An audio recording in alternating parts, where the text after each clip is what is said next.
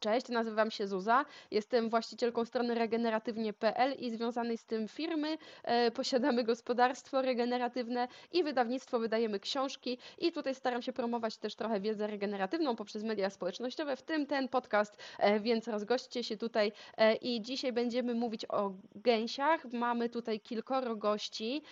Mamy Grześka z gospodarstwa La Fuente, mamy Kasię z Habrowej Polany, Michała z farmy Ubrodacza i być może ktoś jeszcze się odezwie i będzie chciał się dołączyć, e, to będę Was przedstawiać na bieżąco. E, Grzesiek, słuchaj, zacznij pierwszy, powiedz kilka zdań o tym, e, jaką masz farmę, ile doświadczenia z gęsiami.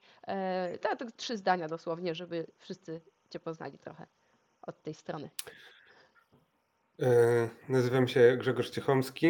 Ja prowadzę takie niewielkie jednoosobowe gospodarstwo, jednoosobowa mikrofarma powiedzmy o nazwie Gospodarstwo La Fuente. Gospodarstwo ma 9 hektarów w sumie, ale tak aktywnie gospodaruje w tym momencie na hektarze. E, No i jest to takie, jakby to na- najkrócej bym chciał określić, to mm, leśno-pastwiskowe e, gospodarstwo regeneratywne. E, Całość tego hektara mam nasadzone, mm, już posadzone zad- zadrzewienia w liniach i sad taki em, oparty o dawne odmiany, który no jeszcze jest młody ten sad, bo nie ma jeszcze 10 lat, ale już trochę cienia e, daje osłony zwierzętom, no i wypasam tam e, owce i drób. No i między innymi właśnie gęsi. Zwykle tych gęsi mam 20-30 sztuk, to są takie ilości. Kupuję na wiosnę jednodniowe gąsiaki, Mhm. Odchowuję je. Mhm. I dalej się chowają aż do samego końca, aż do końca listopada na pastwisku. Eee, opracowałem sobie taką metodę odchowu na pastwisku. Nie mam dla nich żadnego odchowalnika, żadnego brudera, Mhm. z angielska mówiąc, tylko po prostu od pierwszego dnia są od razu e, do końca życia są na pastwisku, mają tylko budkę i ja je kupuję tak troszeczkę później, jak już jest ciepło, powiedzmy po 15 maja, jak nie ma, nie ma takich mrozów w nocy. A jeśli są chłodne noce, to im e, w tej budce na pastwisku palę żarówkę, e, kwokę Dobra. i to Wiesz jest co, my wszystko. Będziemy się one, zagłębiać w to później, e, bo no, to b- będziemy tak tematycznie gadać. A powiedz mi, od ilu lat już masz doświadczenia z gęsiami? Pamiętasz mniej więcej? no, z 10 lat temu pierwsze gęsi, No, spoko, spoko, mniej super. więcej.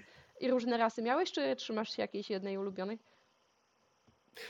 E, U nas to jest w zasadzie tylko jedna dostępna, to znaczy kołucka wielka. Mhm. Także raz miałem jeszcze takie siodłate, kołuckie siodłate, ale potem już były niedostępne. Mhm.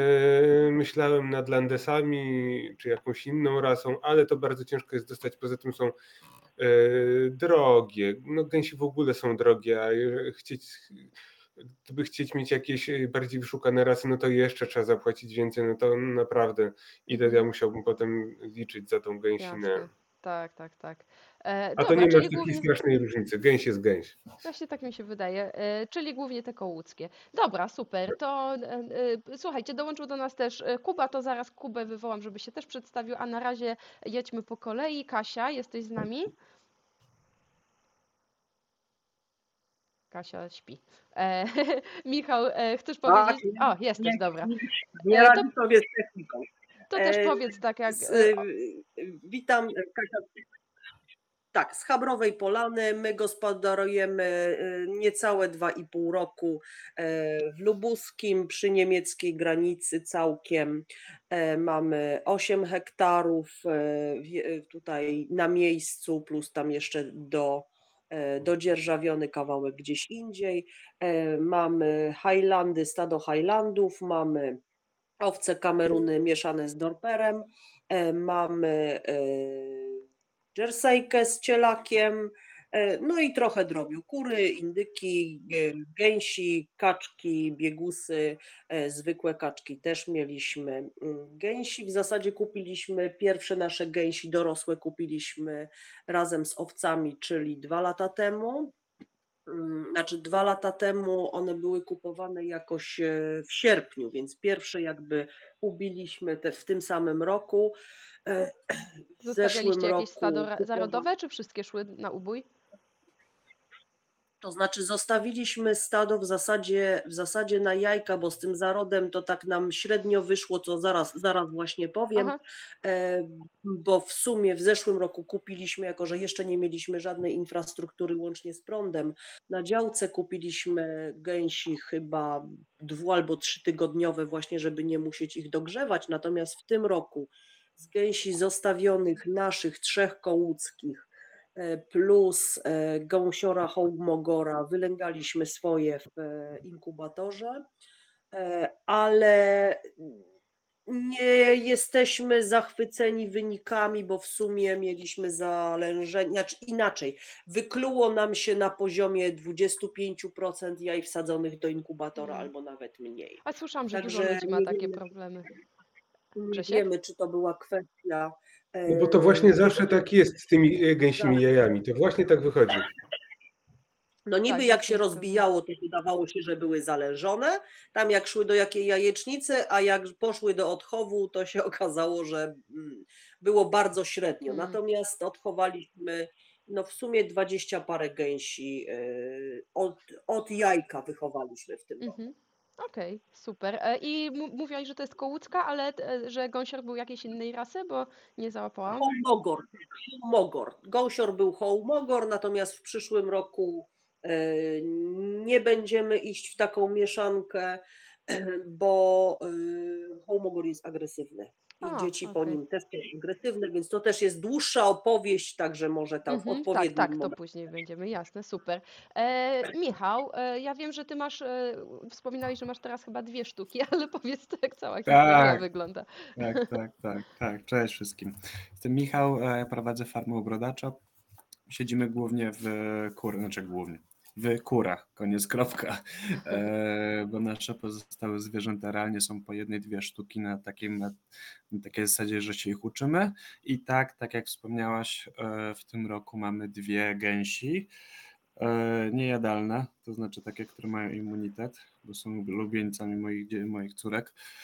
E, Ale jestem tutaj, żeby się od Was uczyć, także z miłą chęcią e, posłucham i będę zadawał tysiąc pytań, jakie tylko przyjdą mi do głowy. Bardzo dobrze. A powiedz mi jeszcze, e, to Dzięki. są e, Mhm. różne płcie, czy to są dwie dziewczyny, dwóch chłopaków? Jak to wygląda? Tak, zdaje się, zdaje się że, z- że. Bo miałem trzy, tylko jedną straciliśmy na pastwisku. E, I tak, e, został gąsior i gęś, także no to potencjalnie może się coś. Tak, dokładnie. super. E, Okej. E, Kuba, jesteś z nami? Odezwij się. Kuba, e, Jestem, Kuba, jestem. nasz Kuba, tak. O, bo tu jest drugi Kuba też i się już za, zagubiłam raz. Cześć, to powiedz, jakie ty masz doświadczenie z gęsiami i co będzie. Twoje E, jak te mam doświadczenie? hasło. Nie, nie, nieduże mam doświadczenie. E, W tym roku miałem pierwszy raz ponad 20 takich gęsi. Kupiłem tygodniówki, Mhm. może 5 dni nawet miały coś takiego. A z 4 lata, może z 4 lata to mam tak, e, takie, takie, ja się śmieję, że stado podstawowe, trzy Aha. sztuki. Dwie Okej. gęsi i jeden gąsior. No i z tego co roku jakieś tam młode były.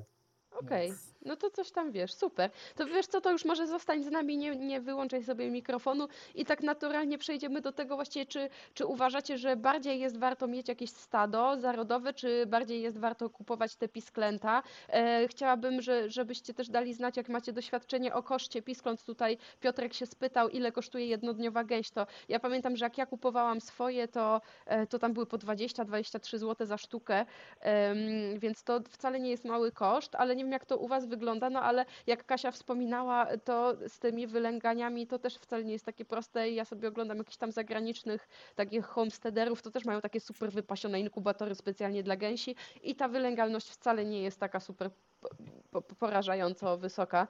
E, Więc Kuba, powiedz mi, czy Ty uważasz, że lepiej kupować, czy lepiej z tego swojego stada? Ja mam odpowiadać, tak? No tak, tak, no jak już jesteś tutaj. To... E, Znaczy się, jeżeli chodzi o to stado podstawowe, no to miałem tam jakieś próby inkubatora, ale to nic z tego nie wyszło. Wylęgły się może dwie gęsi. Nie próbowałem wiele razy. Uważam, że e, gęś to zrobi najlepiej. Mhm, okej. A jak gęsi same, same ci wysiadywały, to dobre były wyniki? E, Tutaj jest kwestia tego, że na przykład w tym roku e, wynik był, nie był dobry z uwagi na to, że One dosyć szybko mi zaczęły mm, te jajka znosić, koło Mhm. już tam lutego. E, Te i, em, jakby zawaliłem w ten sposób, że pozwoliłem im zrobić gniazdo tam, gdzie one chciały. mhm. E, W międzyczasie, jak tych jajek tam było, no jak tych jajek tam już było około 10 sztuk, to coś po prostu, prawdopodobnie jakaś kuna e, to gniazdo zniszczyła. E, Mhm. Potem podjęły próbę oczywiście drugiego gniazda i z tego gniazda już było lepiej, ale było to dosyć późno. Okej. A, a y, tutaj się Michał pyta, i przy, przy ilu jajkach gęsi siadają na jajkach? Dałeś radę zaobserwować, jak to u, Was wygląda? U mnie kilkanaście, kilkanaście jajek i, i siadło. Czyli co, najlepiej by było, myślisz, oddzielić taką gęś, co siada, gdzieś tam jej to gniazdo stworzyć, żeby ona była w takim bezpiecznym przy- przylądku sobie, osobno? E, Znaczy, później już jakby nauczony trochę doświadczeniem, to spróbowałem coś takiego zrobić, że jakby wydzieliłem jej e, i ona do momentu, kiedy te pisklęta e, się nie wykluły, to ona siedziała tam z nimi, miała tam wodę, jedzenie i tak dalej, Mhm. ale w momencie, jak, ona się jak one się wykluły, to ona od razu po prostu z nimi próbowała wyjść i czy one sobie poradziły, czy nie, ona chciała być wolna. Aha, Nie. okej. No tak, czyli dobór naturalny. Em, Kasia, ty też mówiłaś, że wy macie jakieś doświadczenia z e, właśnie z wylęganiem i z kupnem i, i powiedz, co wolisz i e, jakie są twoje obserwacje tutaj. To znaczy, z tego co pamiętam, bo, bo kupowaliśmy w zeszłym roku, to było właśnie 20 parę złotych mm, za jedną gęś. E, W tym roku wylęgaliśmy, tak jak mówiłam, swoje. E, One owszem siadały, ale siadały nam wszystkie w jednym miejscu, w związku z tym przepychały się przy tych jajach i summa summarum e, zabraliśmy im do inkubatora. Więc z naturalnego tak naprawdę lęgu nie mieliśmy nic. Nie wiemy, czy to, y, no bo jakby mamy za małe doświadczenie, nie wiemy, czy to jest kwestia tego, że na przykład krycie nie odbywało się w tam jakichś super warunkach, bo e, nie mamy, e, one nie mają stałego dostępu do jakiegoś stawiku czy No czegoś właśnie, takiego. bo one muszą mieć, no tak. Podobno, podobno i wtedy jest znacznie lepsze krycie, mają tam dostęp do jakichś kazdr budowlanych, do takich rzeczy. Więc być może było to po prostu niewystarczające. Natomiast e, przepychały się w tym gnieździe i, w pewnym momencie siedziały trzy. W związku z tym bajzlu za przeproszeniem tam tylko narobiły, bo jedna drugiej, jedna drugiej przebierała po tych jajkach.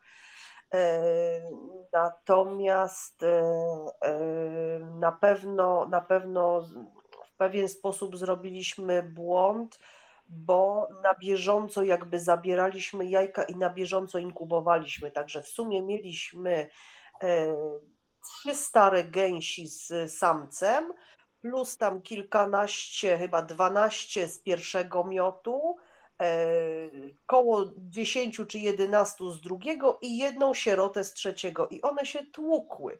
Tłukły się, słuchajcie, tak jak e, Tomek się śmieje, że to tak jak e, bandy na blokowisku. Z tego bloku e, nie mogą być z, drugiego, bo po prostu się naparzały do, dosłownie w ten sposób, że zabiły nam jedną z matek.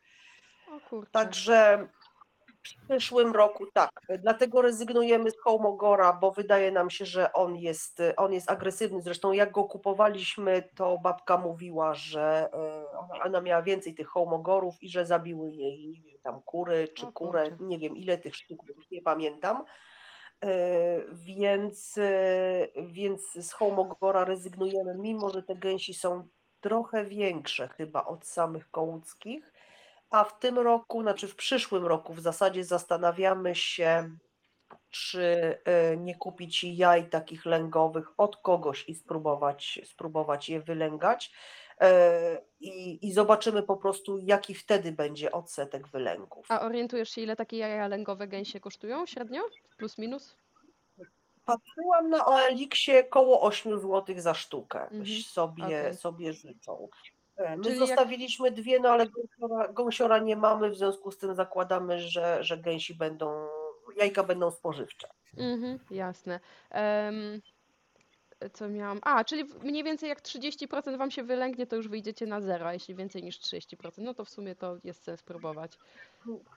No, Mm. no więc, więc właśnie, właśnie jest. Wydaje mi się, że, że jest sens. Przede wszystkim e, kupimy, kupimy, że tak się wyrażę, jeden miod, prawda? Bo za, założymy cały pełny inkubator e, jajek, a nie będziemy mieć tak, że myśmy je musieli rozdzielić i w rezultacie mieliśmy je w trzech siatkach elektrycznych, co za tym idzie na Mhm. noc, bo one w dzień były wypuszczane, e, na noc były w siatkach elektrycznych, co za tym idzie, trzeba było Do każdej siatki elektrycznej oddzielnie zanosić wodę, y, żarcie, pilnować, żeby były zamknięte i tak dalej. Więc jakby niepotrzebna dołożona robota.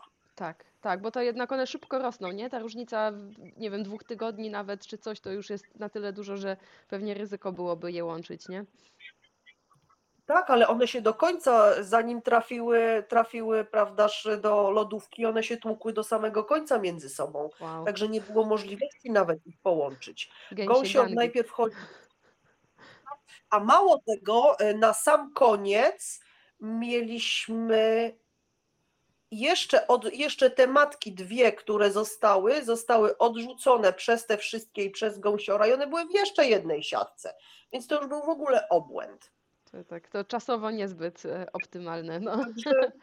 Tak, no, no nieoptymalne, no i, i wiadomo, że trzeba do każdego y, y, dwa, przepraszam, do każdej, do każdej zagrody trzeba lecieć z, z, z dwoma wiaderkami Mhm. wody rano i wieczorem. No więc robota zupełnie, zupełnie niepotrzebnie w zasadzie poczworzona w tym momencie, prawda? No, tak, tak, tak. Także No. tu jest, tu jest to, co na pewno w przyszłym roku będziemy, będziemy eliminować. Jasne, no dobry plan.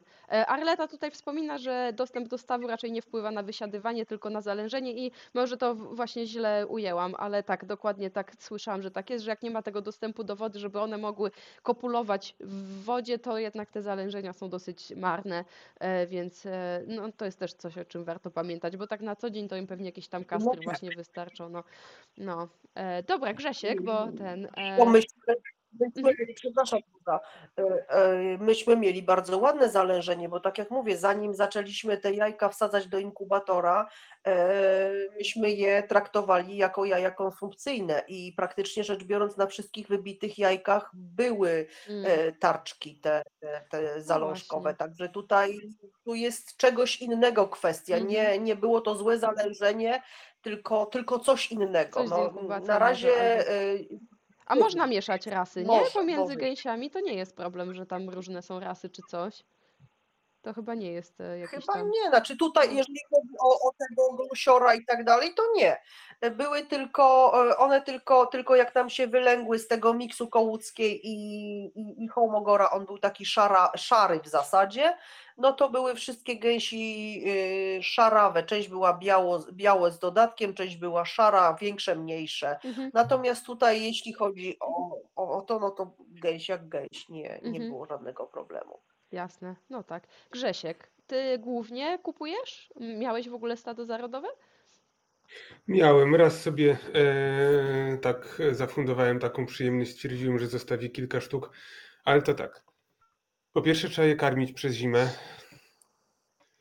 No. Poza tym, no pisklęta, e, małe, małe gąsiaki są drogie, u nas kosztują 25 zł. No to jak kaczka kosztuje taka zwykła biała kosztuje 8, a broiler 2,5.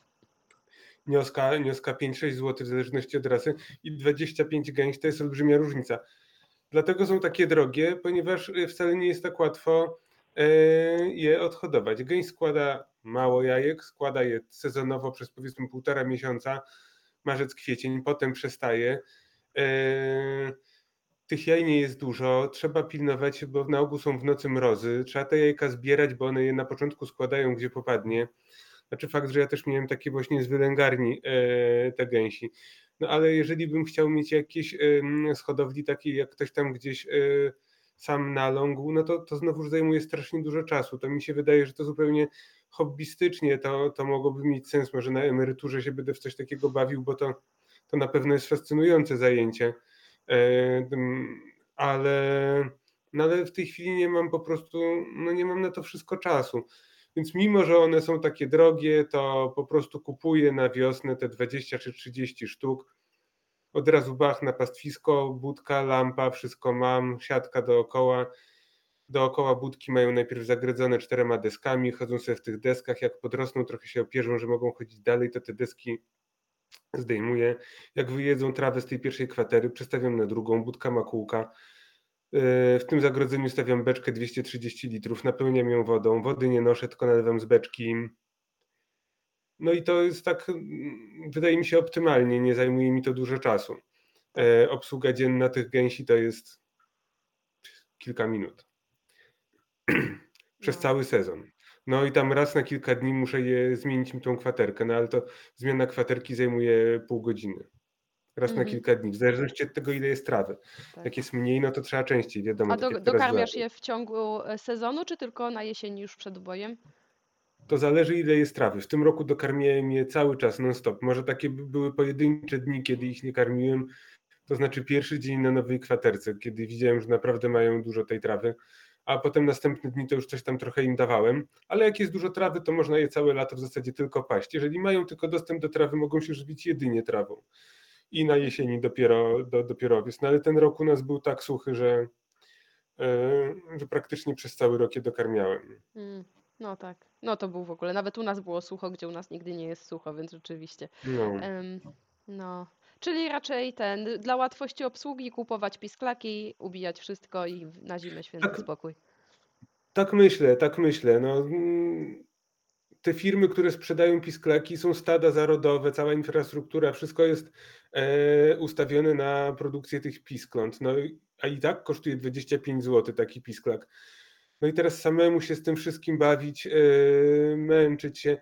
Gęś w ogóle jest kapryśna, bo jest tak, zwierzęciem bardzo stadnym i bardzo rodzinnym.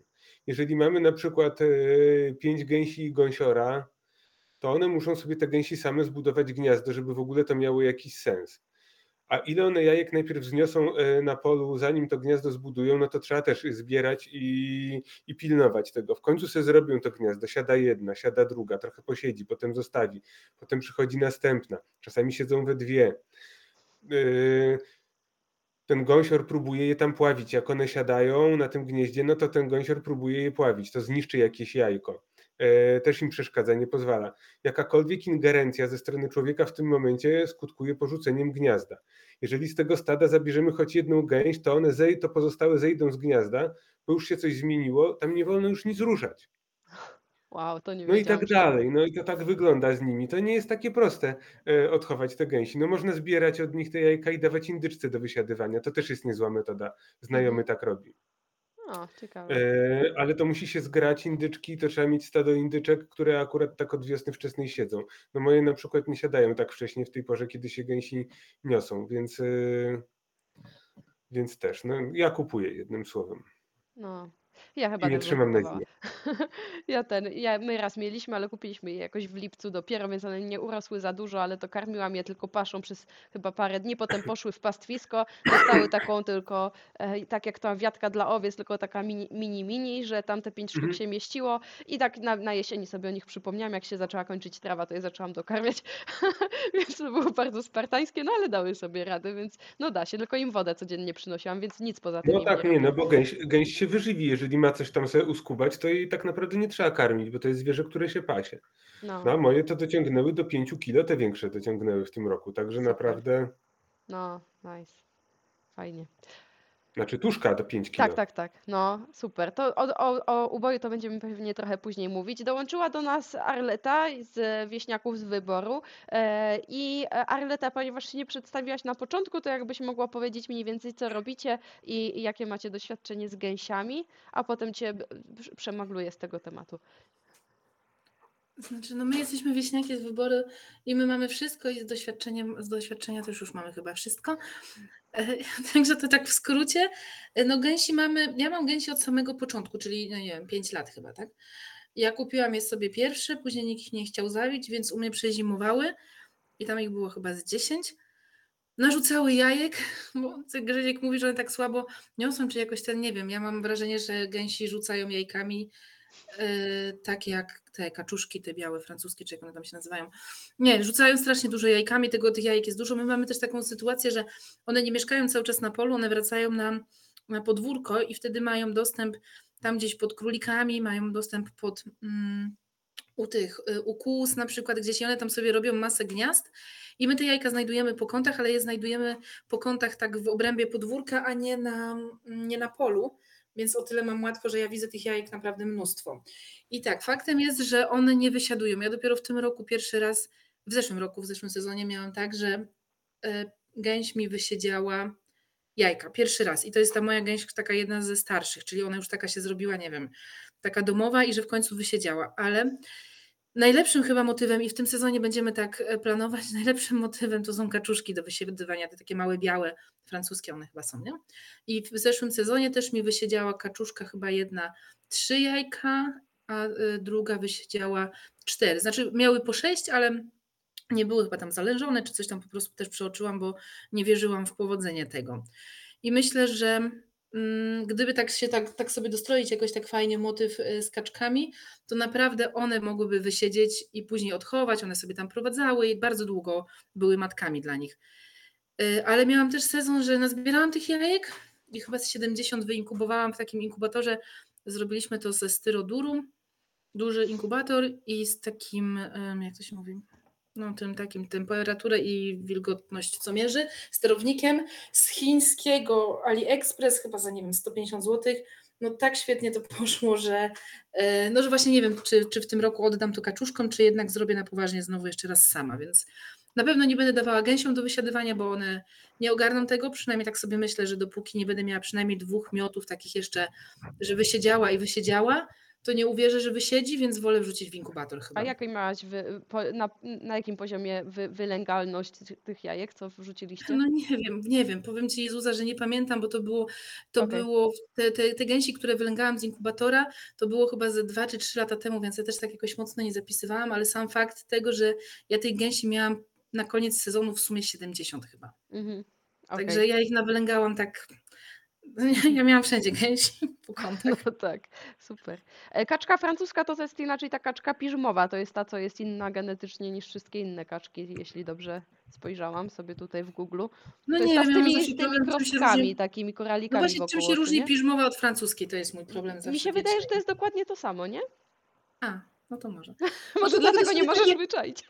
No to są te takie malutkie kaczuszki, ta co moja tutaj taka mam takie dwie tresowane, e, to on- one po prostu one wysiadują wszystko, wszystko, co im nie dać, one będą to wysiadywały. One już by podejrzewam niedługo siadały, jakby gdzieś było narzucone Właśnie one są takie bardziej dzikie z tego, co kojarzę, więc może rzeczywiście ten instynkt u nich jeszcze się za, zachował. Fajnie, to jest dobry, dobry tip. No ja tak jak mówię, no nie wiem, dla mnie kupowanie tych gęsi to jest naprawdę straszny kosmos, bo one po pierwsze są drogie, bardzo są drogie. Mhm. E, No, no nie wiem, no to właśnie u nas też chyba było w tym sezonie po trzy dychy. I po drugie, kiedyś prawie kupiłam, bo facet mi miał je przywieźć, ale jak zobaczyłam, jak one wyglądają, jakie są brudne i ciepłe, one, nie wiem, one muszą mieć strasznie chyba wysokie warunki w tych odchowalniach. I ja się boję zawsze, że jak ja je przerzucę nagle u siebie do takiego czegoś bardziej suchego i chłodnego, to że że one popadają. Też były jakieś takie motywy siadania na łapy. Tu mi sąsiadka opowiadała, że nie mogły chodzić. Ja mam jednak wrażenie, że one muszą od początku mieć takie surowsze warunki niż w tych, ym, niż w tych wylęgarniach. Oczywiście. Mhm. Mów, mów. Tak, tak. Z gęsią jest tak. Mogę się wtrącić? Tak, tak, dawaj, Dawaj, dawaj. dawaj. E, Z gęsią jest tak, że mm, spośród tego różnego drobiu, który my ludzie hodujemy, to gęś ma najmniejsze zapotrzebowanie na temperaturę, najchłodniejsze warunki, nawet niższe niż, niż yy, kaczka. Przede wszystkim dlatego, że jajo gęsie zawiera najwięcej tłuszczu i ten pęcherzyk yy, żółtkowy jeszcze się wchłania przez, nie wiem, ze dwa dni po, wy, po wylężeniu i ta mała gęś jedzie cały czas na tym tłuszczu z żółtka. No i naprawdę to jest, e, one muszą mieć tam przez te pierwsze kilka dni, dopóki się nie opierzą, 23 stopnie czy 22, o ile dobrze pamiętam, a jeżeli mają więcej, to im jest za gorąco i one się polewają wtedy wodą z poidła i są takie całe obślimaczone i wtedy na ogół się e, przeziębiają, ponieważ taka skorupka im się od tego robi i one no, są mokre po prostu, bo one się chłodzą. I to jak coś takiego widać, to znaczy, że są przegrzane i to na ogół zaraz zaczną zdychać. Także jeżeli jest im za ciepło, gęś powinna być czyściutka, puchata, żółta, jak się ją kupuje. I, I raczej w chłodzie ją trzeba trzymać, tak żeby mogła sobie pod tą żarówkę wchodzić, wychodzić. Ja miałem tak w ogóle, że kiedyś, że były takie zimne noce i nie wiem, dwudniowe gęsi czy trzydniowe gęsi normalnie wychodziły na taką trawę pokrytą szronem, ale no naprawdę to były takie dwudniowe piskleki nic im się nie działo. Opuszczały żarówkę, która wisiała na wysokości pół metra i szły na tą zaszronioną trawę i tam ją sobie skubały, bo już jakieś słońce rano wschodziło, już powoli to je tam ogrzewało i to im wystarczało i o, to, to są takie warunki y, do, do odchowu gęsi. One tak lubią. No ja to pamiętam, że jak właśnie mieliśmy kupić te próbne nasze gęsi, to właśnie z tobą rozmawiałam i takim mówiłeś. Im mniej, tym lepiej. No i rzeczywiście nic nimi nie było. E, nic im nie było, wszystko sobie dobrze radziły. Arleta, a jak ty masz przez, przez zimę też, to możesz powiedzieć, e, czym je karmisz i jaki jest koszt i jak to też e, czasowo wygląda z takim trzymaniem stada przez zimę, no bo one się wtedy tą trawą nie wyżywią, nie? No widzisz, u mnie to jest problem, bo ja nie liczę. Nie liczę za bardzo takich. No teraz powinnam to trochę porobić, bo u nas jest tak, że po pierwsze my mamy w tym sezonie, w poprzednim i teraz już to będzie górę ziemniaków. No i one jedzą w dużej mierze ziemniaki. Do tego my dokupujemy pszenicę. Teraz w tym sezonie też udało nam się e, uskrobać nasze, na naszym polu chyba z jakieś pół tony kukurydzy. No więc w tym sezonie mamy naprawdę, w zeszłym zresztą też, mamy naprawdę dużo jedzenia. Dodatkowo jeszcze nieoficjalnie to mamy odpadki z dużego stołu obiadowego, bo dużo nie zjadamy, więc mamy dużo takich odpadków. Yy, tak, yy, więc one jedzą różne sobie makarony, różne jakieś tam bzdury. Dużo, dużo mam też, to właśnie tej mówię, tej pszenicy my moczymy w serwatce. Ja myślę, że to też jest ta serwatka u nas ogromnym takim, mm, no nie wiem, dostarczeniem tych y, odżywczych substancji, że my naprawdę nie odczuwamy zużycia jedzenia. My prawie, no mówię, oprócz tej pszenicy to tak za wiele nic w tym momencie nie kupujemy, więc to, czy ja mam tam plus minus 5 czy 10 gęsi przez, przez zimę, to jakoś nigdy nie wpływało specjalnie na, na to, co jest tam w spiżarni, nie? A jaką rasę wy macie? Bo chyba mi umknęło. Ja mam te, y, te białe i mam te niebieskie. Czy ktoś wie, jakie to są te białe? No białe to są zwykłe takie, Te no normalne. Niebieskie pewnie Landes. Tak, o właśnie ten. No A- i teraz ja sobie A białe to zostawiłam, są kołuckie? To są białe? nie wiem, no takie białe, białe, no takie zwy- najzwyczajniejsze. Tak, białe są, kołówki są białe. No, to Okej. to muszą być te. I co fajne jest, e, one się mogą ze sobą, e, no te niebieskie trzymam, te landesy trzymam, bo no są naprawdę piękne, rosną duże i mam dwie, teraz zostawiłam dwie dziewczyny i samca Mm, i z białych jeszcze nie wiem, co tam do końca zostawię, ale też myślę, że ze dwie, ale samiec obskoczy i białe i niebieskie i z- wtedy z tej krzyżówki też się fajne rodzą e, takie większe. Wychodzą, bo nawet one wtedy mają, nie są już białe, nie są szare, przeważnie są jakieś takie e, z dodatkami kolorowymi pióra. No tak, super. Okej, czyli nie są dla ciebie jakimś i czasowo też nie są dla ciebie. Właśnie, Kasia? ja, ja mam pytanie. Mam pytanie do ciebie odnośnie serwatki, ponieważ mi udzielić odpowiedzi. Pytałam nawet weterynarza, który teoretycznie zajmuje się ptakami. Jak wygląda karmienie drobiu? E, Jakie masz doświadczenie z karmieniem drobiu z dodatkiem serwatki, ale podpuszczkowej? Bo, bo wszędzie jest serwatka, serwatka, ale niespecjalnie ludzie rozróżniają serwatkę podpuszczkową i, i, i kwasową z twarogu. Czyli No, nie masz każdy- jakichś problemów Każda z przeproszeniem nie no, każda podpuszczkowa przecież skwaśnieje. Owskowej. Czyli co, zostawiasz, zostawiasz aż ta podpuszczka, e, Boże, podpuszczka, e, ta e, serwatka ci skwaśnieje, nie dajesz im na świeżo? A jak chcą, to piją na świeżo. U mnie jest tak, że ja mam przed drzwiami tutaj na podwórku, mam przeważnie dwa wiaderka i wylewam do tych wiaderek serwatkę. Kto ma ochotę łącznie z psami, to sobie przychodzą i tą serwatkę piją. Później tą serwatkę, jak sobie Adam ma och- ochotę czy okazję, to zabiera mi tam sprzed drzwi, sprzed kuchni i na Myślałam, przykład zalewa pije. Podejrzewam, że też po drodze se tam chlapnie, nie? Zabiera sobie to tam, my to tam mamy takie, nazywamy to do paszarni i zalewa zboże. Czasami też po prostu wynoszę tą serwatkę od razu, y, teraz szczególnie dla kaczek, bo bardzo polubiły, dostają w takich niskich pojemnikach, żeby mogły sobie po prostu ją pić. Nie przejmuję się, czy ona jest skwaśniała, czy jest świeża, leci. Jak chcą, to piją wszyscy. Gęsi też przychodzą tych wiaderek, piją y, i też moczymy to ziarno i jeszcze moczymy później na przykład, jak są parowane ziemniaki, to też je gnieciemy z, z tą serwatką. No ja serwatką najczęściej po prostu zalewam paszę, no głównie dla kur, także Ale E, paszę ty- jak zalewa, że jaką paszę? No, normalną, bo my cze- część do, u nas część dostają paszy, część dostają ziarna, więc po Ale to co, prostu taką paszę, tą, wiaderko. taką, taką paszę granulki zalewasz serwatką? Znaczy to są, Nie, wiesz co, takie łamane ziarna pewnie, nie? Ja też zalewałam Łamaną, takie. Paszę, No. łamane ziarno, właśnie tak jak Zuza mówi, że tam normalnie wybierzesz z tego i Można kukurydzę, to i No pszenicę. sfermentować. taką łamaną i co, i zalewacie to i czekacie, aż to napęcznieje? To zależy jak mi się chce. Jak, jak pamiętam, że mam zalać na przykład wieczorem, to zalewam, a jak Znaczy- nie, no to zalewam rano i od razu do, do, dostają do paśnika. Aha. A tu widzicie, bo nam zależy na tym, żeby tej serwatki jak najwięcej to chłonęło to zboże, czy to ziarno. I my czasami zostawiamy na dwa dni, trzy dni. One nawet tam czasami podkiełkują w tej serwatce czy coś. I chodzi o to, że ja, y, ja tam się nie rozmawiam jakoś za bardzo z weterynarzami, bo tutaj nie mam tak, tak osób, z kim mogę pogadać, ale kiedyś swego czasu strasznie mocno analizowałam paszę dla broilerów i tam są chyba bodajże jakieś dwa aminokwasy czy coś tam, nie wiem, już musiałabym to znowu przeczytać, co ja tam wyczytałam. I też sobie zaczęłam to googlać, o, ten, ten, ten, w końcu miałam nawet to kupić, żeby dodawać, że to niby poprawia strawność, a później jakoś tam znowu doszłam do tego, że mm, to się znajduje naturalnie w mleku i serwatce i tak dalej. I ja podejrzewam, że właśnie odkąd ja daję tą serwatkę i tak jak mówię, bez, e, bez zastanawiania się ile, daję im po czubek i moczę te wszystkie ziarna, ziemniaki, no to nie wiem, one mi się wszyscy wydaje, że dwa razy szybciej rosną. Naprawdę. No i tam I mam wrażenie, też jest dużo jest, nie? Tak, ja mam wrażenie, że to jest, to jest właśnie tak. Jak tak na początku im wydzielałam do, do, ten, do tam e, poidła, osobne poidło z serwatką, to ktoś tam chciał pić, ktoś nie chciał pić.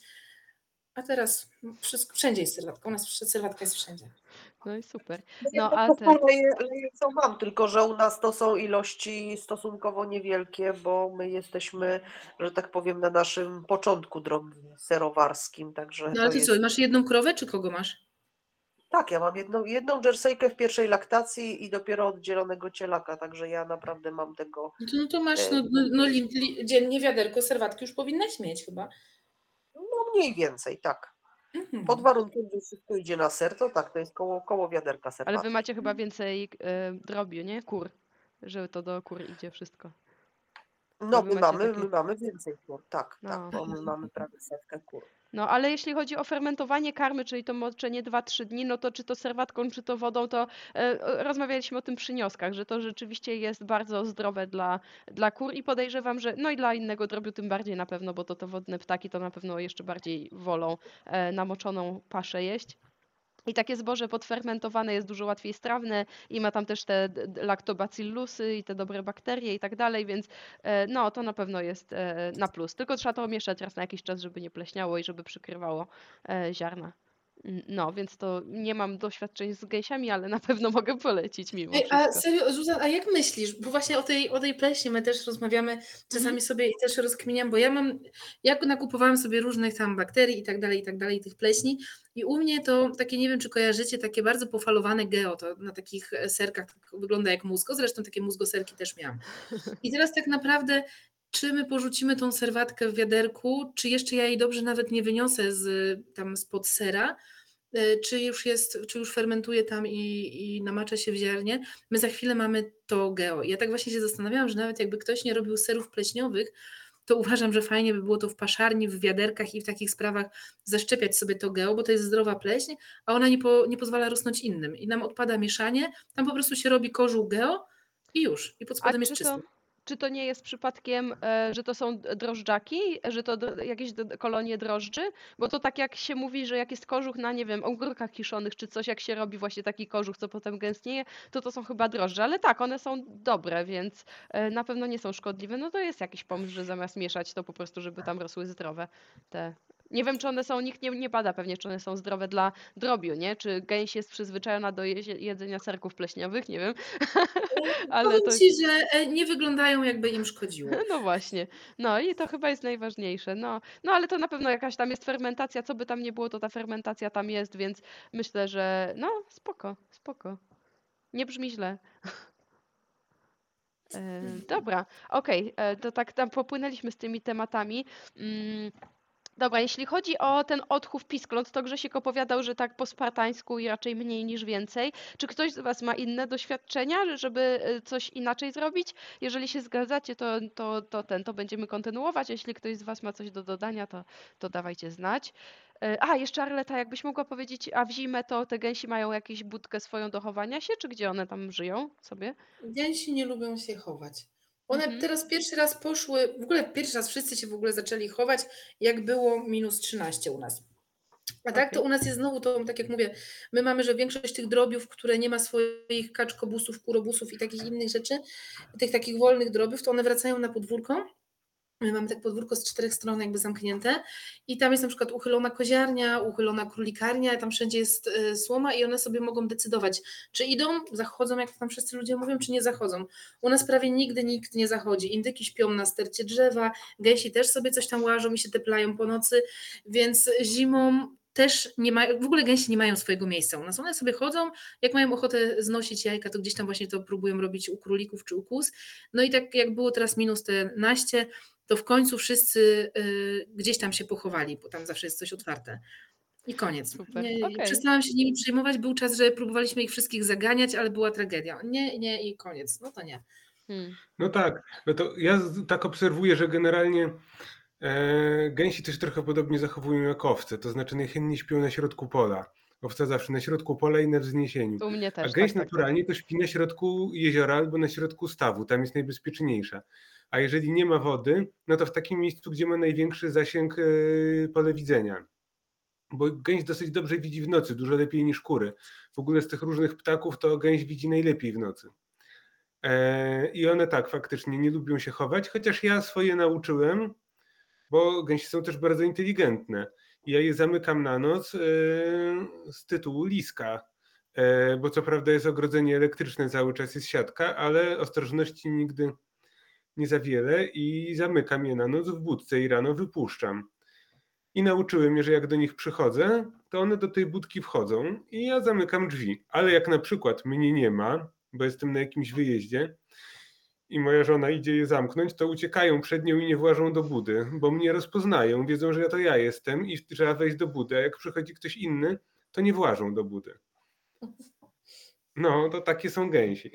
No. U mnie gęsi były luzem, tak jak mówiłam, tylko w tym naszym ogrodzeniu stałym elektrycznym. One nie wychodziły za to ogrodzenie, mimo że to tylko te linki były. No jakoś lis ich nie zeżarł, ale my mieliśmy bardzo małą presję lisów do tego roku. W tym roku pierwszy raz mieliśmy straty kur przez lisa, ale też zrobiła nam się dziura w ogrodzeniu i to nie wiem, czy to się dlatego.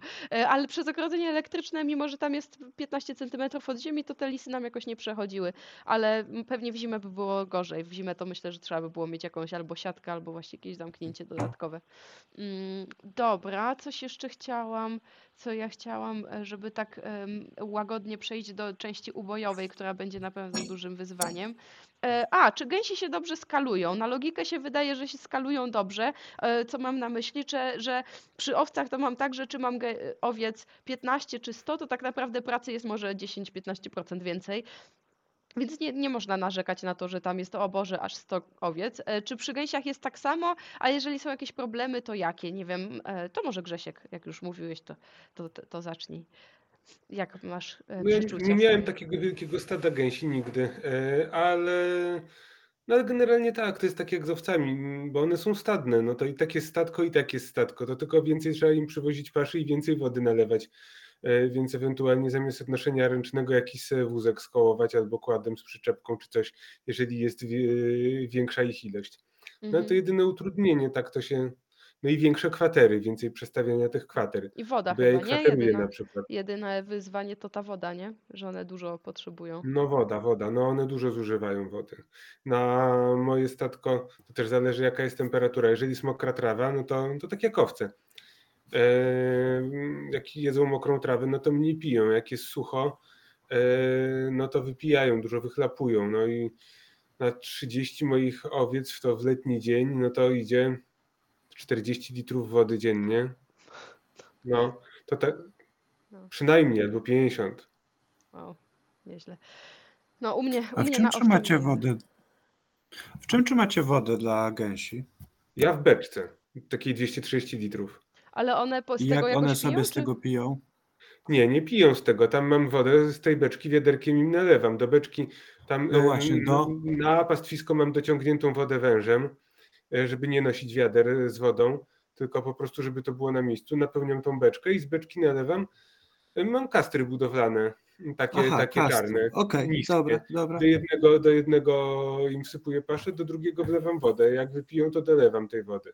A my mamy takie Mhm. balie metalowe, tak, co można na złomowisku kupić. Ale małe, małe gęsi to nie dosięgną ci przy tej bali, nie? A no to wtedy mają jakiś taki e, stary brodzik spod prysznica czy coś. Okej. Tak, tak. No ja też używałam e, kastry do gęsi, tylko one takie właśnie, trzeba tą kastrę taką niską, mam wrażenie, bo te moje gęsi to były takie niedorajdy i one tak, nie wiem, jak sobie, trzeba było jakiś stopień im zrobić czy coś, żeby No jeszcze takie do, do, tych, do, do wielodoniczek są takie mm, podstawki, to też dla jak taki już dla jakichś takich miniatur to też może być. Aha. Ale one tak szybko rosną, to jest No tam właśnie. 2-3 tygodnie i one już dosięgają. Mała gęś to rośnie w oczach, dosłownie z dnia na dzień. Mhm. E, Warto im kosić trawę i dorzucać? Macie jakieś e, ten doświadczenia w tym temacie?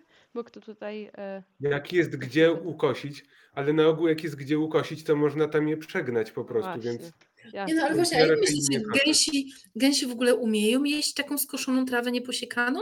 Umieją, bo widziałam na filmie. umieją, zjedzą, ale wolą sobie uskubać same. Bo Tylko żeby to nie tak był że taki paćka, nie? Tylko żeby to były większe Mhm. kłosy, one sobie wybierają wtedy jakieś tam rzeczy. Znaczy my czasami dostajemy gdzieś tam od jakiegoś sąsiada czy coś takie skoszone kosiarką, taki, to właśnie taką sieczkę. No. No to to wciągają wszyscy, no i to w to wierzę, że to sobie jedzą.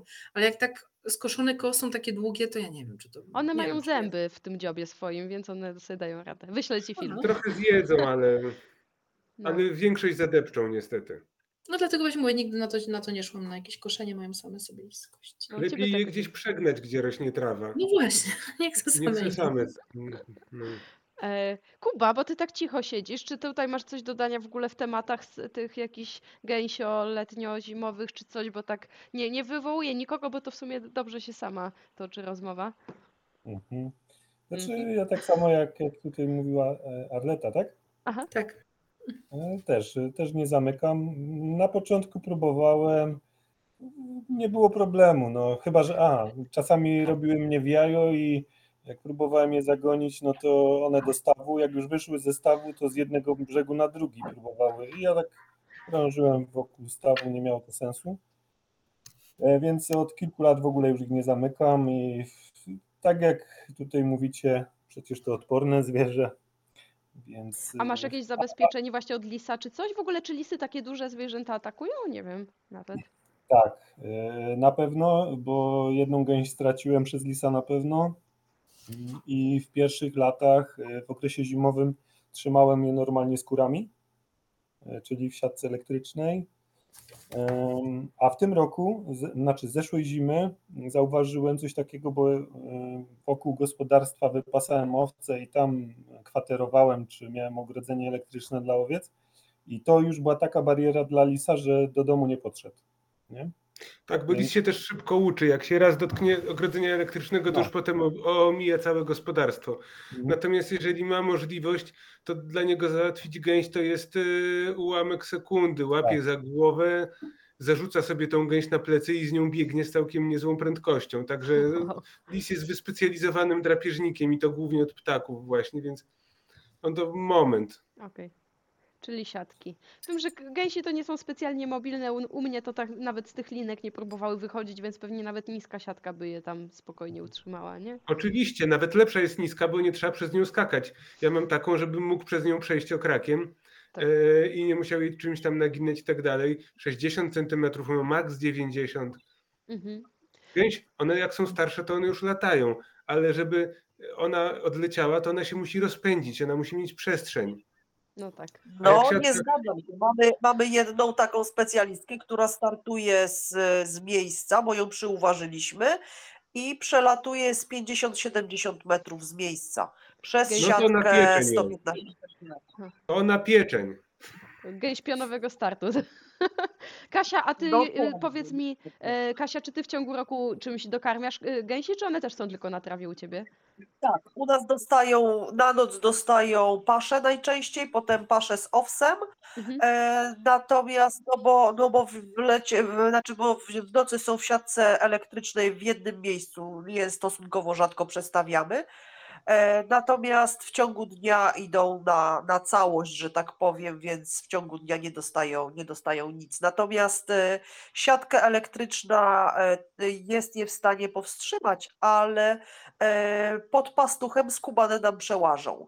Wprawdzie my nie zawsze mamy tego pastucha włączonego, bo on miał być tylko jako zabezpieczenie przed owcami drzewek, no to w tym roku załatwiły nam gęsi drzewka i, i generalnie zeżarły wszystko, co się dało, więc w przyszłym roku znowu musimy zrobić kolejne, kolejne ulepszenie, bo się nauczyły, że albo przechodzą pod linką, albo przedeptują sobie nad linką, jak jest wyłączona i, Mm, i hulaj dusza, piekła nie ma.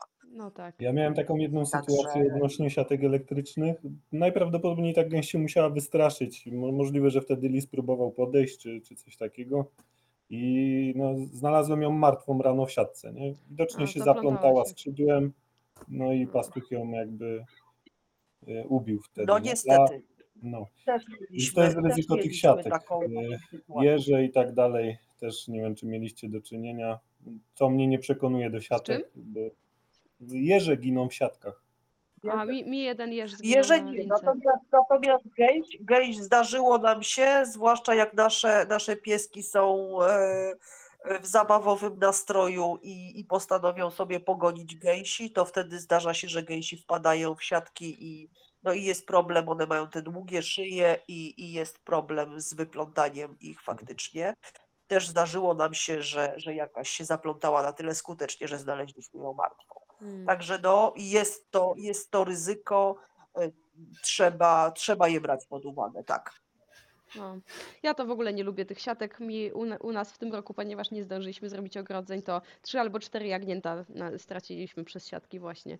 Mm, no, więc wolałabym ich unikać, no ale no nie da się. A jeże, jeśli chodzi o jeże, Kuba, to u nas na przykład się nie zdarzyło. Nie wiem, czy u nas jest mało jeży, czy to jest kwestia wielkości siatki, bo ja używam tylko tej pomarańczowej, e, więc nie wiem, może ona ma na tyle duże te oczka, że te jeże jakoś tam przechodzą, nie wiem.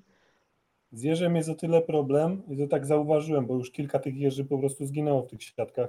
Jeż jak dochodzi do siatki, to zanim go, nie wiem, kopnie, to on już prze, prze, przełoży tą głowę, głowę.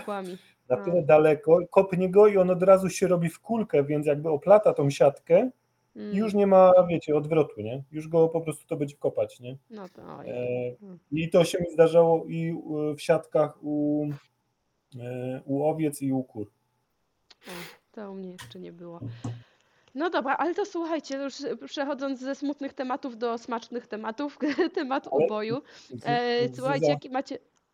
E, halo, Jeżeli Kuba? mogę jeszcze Tak, tylko, dodaj. e, zanim do uboju przejdziemy, Mhm. bo e, mam tutaj w okolicy, znaczy w okolicy, no, graniczę z nowo powstałą uprawą Leszczyny. To jest jakieś 70 arów, czyli taki dosyć fajny kawałek. Nie? Fajna trawa tam jest i zakładam, że jakbym teraz próbował tam gęsi temu właścicielowi podsunąć, no to one i, i równie tą leszczynę bez jadły. Ale e, z tych liści czy z pąków, ale już potem tak e, leszczyna dosyć w miarę szybko te, te liście traci, czy na, na tyle jeszcze jest trawy, że na leszczynie już liści nie ma. Myślicie, że w, e, w tym krzakom mogłyby, Grzegorz, myślisz, że tym krzakom mogłyby zaszkodzić wtedy gęsi? Tak na jesieni? A w jakim wieku jeszcze, Nie jakiej wiem. grubości są te, te leszczyny? No leszczyna to jest gdzieś drugi albo trzeci rok teraz. To jest on, młodziutkie drzewka małe. Bo No to ja bym nie ryzykował. Gęś generalnie zjada korę bardzo chętnie, okorują. Takie, takie do tych 4-5 centymetrów e, drzewka to potrafią ogryźć do białego. Mhm. No okej, dzięki. Nie Potwierdzam, ryzykowałbym.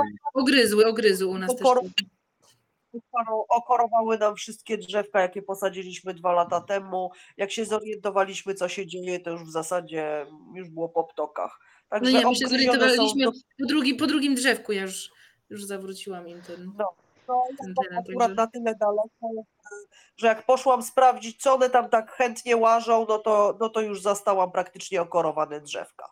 Oczywiście, że Także- tak. Nie także- wolno. Zawsze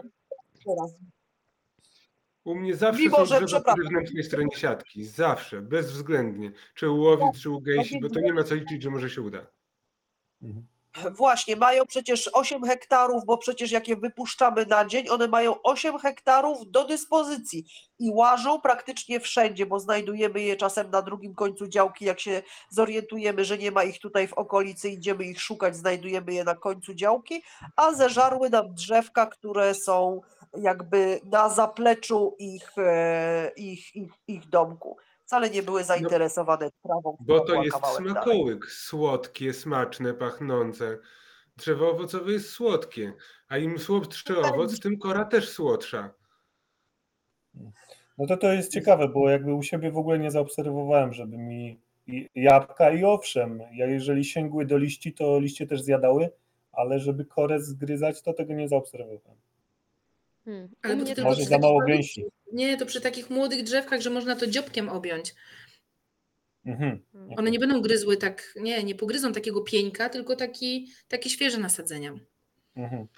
No i też młode gęsi tak nie niszczą strasznie jak starsze. Powiedzmy, yy, to już muszą być takie przepierzone, ładne w piórach, duże, powiedzmy dwumiesięczne, trzymiesięczne, o to one wtedy, wtedy ogryzają kory. Jak są takie malutkie na początku, no to można się tym nie przejmować, no bo one, one nie będą tak jeszcze intensywnie żerować. No ale jak są starsze, to też mają i lepszy apetyt i silniejsze dzioby. No i kora ma bardzo dużo minerałów, No więc jakby to jest. nam obgryzły we wrześniu. Słucham, powiedz jeszcze raz. Nam we wrześniu.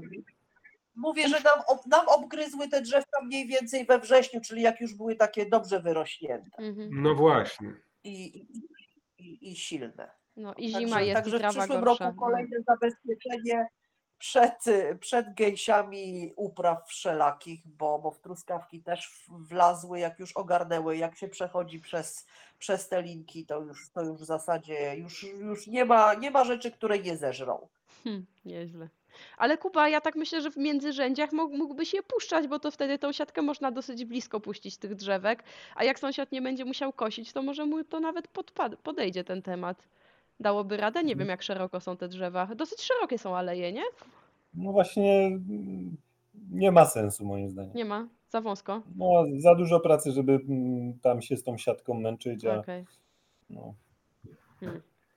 Kurczę, może tak moim nie, zdaniem oczywiście. No. trzeba by było im te ząbki na dziobie spiłować, żeby, nie, to Albo Kagańce. żeby za szeroko nie otwierały. No. E, dobra, okej. E, Ale może właśnie jak są takie młode, to warto chociaż wiosną, nie? Jedno koszenie mu tam ograniczyć, bo jak są młode i ten, to poobserwować je, może to by coś jednak miało sens. Mm. No, a słuchajcie, jeśli chodzi o ubój, no to tak jak mówiliście, że tam zwykle kupujecie w okolicy maja, tak, te pisklęta, e, a ubój jest tak zawsze na tego świętego któregoś tam, Jakuba czy kogoś, e, to zawsze na jesieni, prawda? Marcina. Marcina. Ale ja to później. Nie, ja to koniec listopada, początek grudnia. Mhm. A powiedz mi, jak wygląda u ciebie e, dokarmianie? Czy to jest tak, że one do, w opór dostają tego owsa, czy to jest tak, że ty im jakoś wyliczasz to? Ostatnie trzy tygodnie to do oporu, żeby się ładnie otłuściły. Mhm. E, więc te trzy tygodnie to mają tak, żeby nie dawały rady przejść. I teraz uwaga, gęś potrafi taka duża wciągnąć praktycznie kilo owsa dziennie. Wow. No 800 gram, jak większa to kilo zeżre. Więc to są takie ilości. To ja po prostu sypałem im, takie mam e, 22-litrowe wiadra plastikowe, to dwa czubate wiadra dziennie. Wow. Kurczę, muszę, takie w- przez tym sezonie też dobrze, teraz w nadchodzącym sezonie dobrze to policzyć, bo ciekawa jestem, jak to wychodzi na ziemniakach, bo naprawdę my mamy, mówię, dużo ziemniaków i du- dużo kukurydzy, więc to u nas trochę inaczej to żywienie chyba wygląda e, i właśnie muszę to policzyć, jak to, jak to na ziemniakach. Ja myślę, że Jest- owiec też, nie wiem jak jest ze strawnością. Ty patrzyłeś na te odchody tych gęsi? Czy nie, bo- nie warto by było też go na przykład fermentować, żeby on był lepiej strawny? Nie wiem. Znaczy powiem tak, w lato to ja miałem wszystko, to miałem mieszankę taką, przężyto owies jęczmień i zgniotłem na gniotowniku Mhm. wszystko. No i zawsze zalewam im wodą, bo gęś w ogóle lubi jeść z wody. Ona nawet trawę sobie lubi zanieść do tej wody i tam namoczyć jakiś duży liść czy coś. I, Tak. i, a jak mają suchą tą paszę, to im się nosy zapychają, one to rozrzucają, chodzą sobie płukać e, te dzioby. To im zajmuje dużo czasu i mm, e, a jak mają namoczoną albo po prostu zalaną nawet wodą, to one szybciej wtedy to zjadają. Dopiero nie za, przestaje im zalewać jak jest mróz, no bo im to wtedy wszystko wtedy zamarza. Jasne. to wtedy tylko dostają No suche, to, ale to, to, są to my tak praktycznie właśnie jak. Grzegorz, że dopóki jest właśnie tak, taka pogoda, to dużo, te drobie wodne dostają dużo takiej zupy bardziej powiedzmy. Tak, tak, tak, oczywiście. No, one taką zupę to najlepiej. I sobie z tej wody wszystko wyłowią do, do jednego ziarenka nawet. I one dobrze trawią owies. Yy, tam niewiele co z niego zostaje w schodach. Gęś ma te jelita, nie wiem, ze dwa metry jelit. Grzegorz, ale to ty ten owies y, też masz gnieciony i też go zalewasz, czy potem już ten owies to jest y, niegnieciony i niezalewany? Ten na koniec sezonu, co mówisz? Nie, to już cały im dawałem, nie gnieciony. Nie zalewany. Yy, no jak nie było mrozu, to zalewałem wodą, a A, jak okej. był mróz, to już nie, no, żeby im to nie zabarzło w jedną bryłę. Mhm. No i to, ale to tylko trzy tygodnie ostatnie e, takiego intensywnego tuczu. I to najlepiej jest zrobić, jak już są właśnie przymrozki, już jest mróz w nocy, bo one wtedy się, to jest dla nich sygnał, żeby, e, żeby się napychać i otłuszczać i na resztę zimy mieć zapas. I one się bardzo szybko wtedy bardzo ładnie otłuszczają. To jest to, co się mówi gęś owsiana. E, To właśnie taka wychodzi gęś owsiana na tym owsie utuczona. No i pewnie na na tym kukury, kukurydziano ten, serwatkowa ziem, też ziemniaczana. i tylko trochę Może być nawet lepsze. No ja wiem, że u Nie. nas, u nas to sąsiadka mówiła, że nie warto mieć kaczek, to o kaczkach było, jak się nie ma ziemniaków, że kiedyś to były czasy, bo za Tak, tak. PRL-u to były tanie ziemniaki, to wszyscy hodowali kaczki, a teraz to się nie Oczywiście. opłaca, więc no, może z gęsiami jest podobnie, no. Kaczki na ziemniakach wspaniale się chowają. Trochę Tak, tam jakieś śruty posypać, usieczkowany i pokrzywy do tego powiedzmy i jest luks pasza najlepsza Hmm, dla kaczek. super. Też tak Kaczki, to na, kaczki to dobrze na żabach i ślimakach. A to No też. tak. No ale to jak się ma tyle żab i ślimaków, Żarci. No. No tak, a w jakim wieku, czy wy macie jakiś test, e, że na przykład, e, że dana rasa w danym wieku musicie ubijać, czy to jest tak, że e, sprawdzacie sobie, czy one się pierzą, czy się nie pierzą, no bo przechodzimy tu do jakże przyjemnego tematu skubania gęsi. Jak wy do tego podchodzicie? No jak jestem Ja- głodna, to ona też jest gotowa. Ja w tym roku ja mam, wszystko, ja mam wszystko wyliczone i po prostu co robię, robię tak samo i e, no i ten koniec listopada, początek grudnia to jest taki moment, kiedy one są właśnie e, między pierzeniami i powiem, że e, tych szybków miałem średnio po kilka na każdej gęsi, czyli praktycznie w ogóle e, nie było żadnych Zuzka, problemów. widzisz, bądź jak Grzegorz, wylicz wszystko. No ja właśnie, ale bo ja właśnie chciałam powiedzieć, że ja ci pomagałam rok temu albo dwa lata temu, już nie pamiętam, i tam naprawdę na tych gęsiach niedużo zostawało tych szybów. Boże, jak wy macie fajnie, wy jesteście mądrzy. No ale to słuchaj, koniec listopada, początek grudnia, no. No, ale to chyba zależy od O. tego, kiedy się urodziły, tak? No właśnie No niekoniecznie. oczywiście, tak. No ja biorę tak e, koniec maja, powiedzmy są, z końca maja, ostatnich dni m- maja gęsi. Powiem wam jeszcze, jak się nauczyłem je skubać, bo e, dopracowałem tą metodę i skubanie gęsi w tym roku mi zajmowało dwóch gęsi e, 10 minut i są pra- Cenzura. praktycznie już tylko do delikatnych poprawek. Uważam to za bardzo dobry wynik. E, I robię to tak. Temperatura wody 80 stopni, może być 83 powiedzmy, ale nie więcej, bo się skóra rozrywa. E, Moczę 15-20 sekund, wrzucam do skubarki. W skubarce kilka sekund, żeby jej zmierzwić tylko dobrze pióra.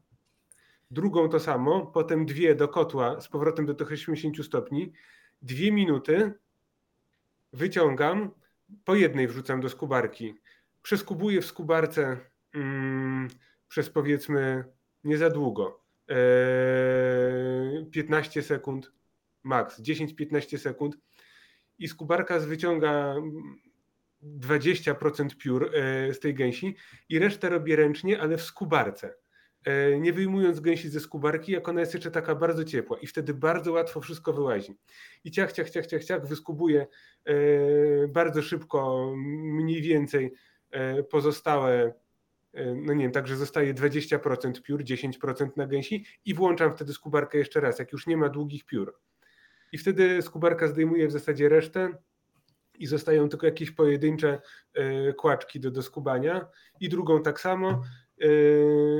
E, To dwie gęsi to jest powiedzmy 10 minut i idę z nimi do ciepłego pomieszczenia, kładę na stole i tam po prostu ręcznie już y, doskubuję, ale to są pojedyncze piórka. Tak, Także to ja też potwierdzam ten motyw na dwa razy do skubarki, rozczochrać, a później skubanie właściwe. To Tak. ono... Ja nie A wiem, nawet można trzy razy, jak jakieś, jest oporna. jakieś płyny do naczyń, bo niektórzy stosują jakieś płyny do naczyń, do tych drobiów wodnych czy coś. Nie. No ja też właśnie nie, no też nie, ale to cały czas słyszę, wszyscy to piszą i nie wiem, czy stosują dlatego, że, mm, że gdzieś tak przeczytali mówią. i tak myślą, że jest lepiej. Y, No i ja kiedyś gdzieś tam spróbowałam, nie zobaczyłam różnicy i stwierdziłam, że Słuchajcie, z tym mydłem, z tym mydłem bądź płynem do mycia naczyń, to trik jakby z teorii wychodzi taki, że że y, całe wodne ptactwo no to ma tłuste te pióra, więc faktycznie, żeby ta woda dotarła do, do skóry i, i, tych, e, tych gniazd piór, piór pierzych, e, to ponoć jakby moczenie, jakby w trakcie moczenia bardzo mocno powinna być ta gęś poruszana w, tak, żeby ta woda miała szansę No to dojść właśnie do to jest skóry. to, to, to co Grzegorz No, mówi, wrzucanie na dokładnie. chwilę na rozczochranie. Ja nie wierzę, Tak. że nagle ten płyn do naczyń, e, nie wiem, hydrofobowymi cząstkami złapie się do tych, e, tych brudów czy tłuszczów.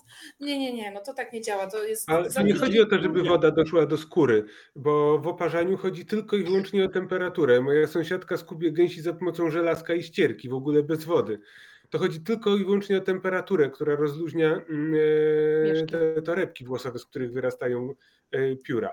Także No e, to nie, skóra nie musi być zmoczona, wystarczy, że tam dojdzie ta temperatura. No, tą moją metodą, co ja w tym roku em, wypraktykowałem, no to to wychodzi wszystko po prostu do gołej skóry, się wyrywa palcami. Tylko, że no te pióra siedzą mocniej niż w kurczaku, więc skubarka tak nie do końca je wyrywa. Ale to trochę skubarką, trochę ręcznie i to już idzie szybko. Jak, jak dużą skubarkę macie? Bo my mamy skubarkę taką, że mieszczą nam się dwa duże kurczaki, ale niestety z gęsią nie daje sobie rady i, i tak naprawdę y, skubanie gęsi to jest dla mnie droga przez mękę. Ja mam w tym roku- 65, 65, nie wiem co to znaczy. Ja mam Właśnie identyczną, tak- bo mi Arleta poleciłaś, podałaś w ogóle od tego samego producenta, mamy identyczne. Aha, i też tą większą masz? To, to muszę zobaczyć w takim razie porównać większą, z tym, co ja mam. 65. Gęś po prostu Tak.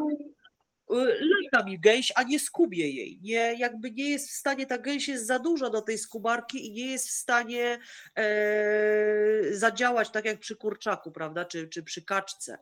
E, Także nie wiem, może jest to po prostu kwestia, kwestia skubarki, bo ja w tym roku już e, całkiem e, byłam zdesperowana i zaczęłam je e, przy pomocy parownicy takiej kercherowskiej, takiej do, do mycia zaczęłam, zaczęłam A, też skubać, spoko, bo też to, też to robiłam kiedyś.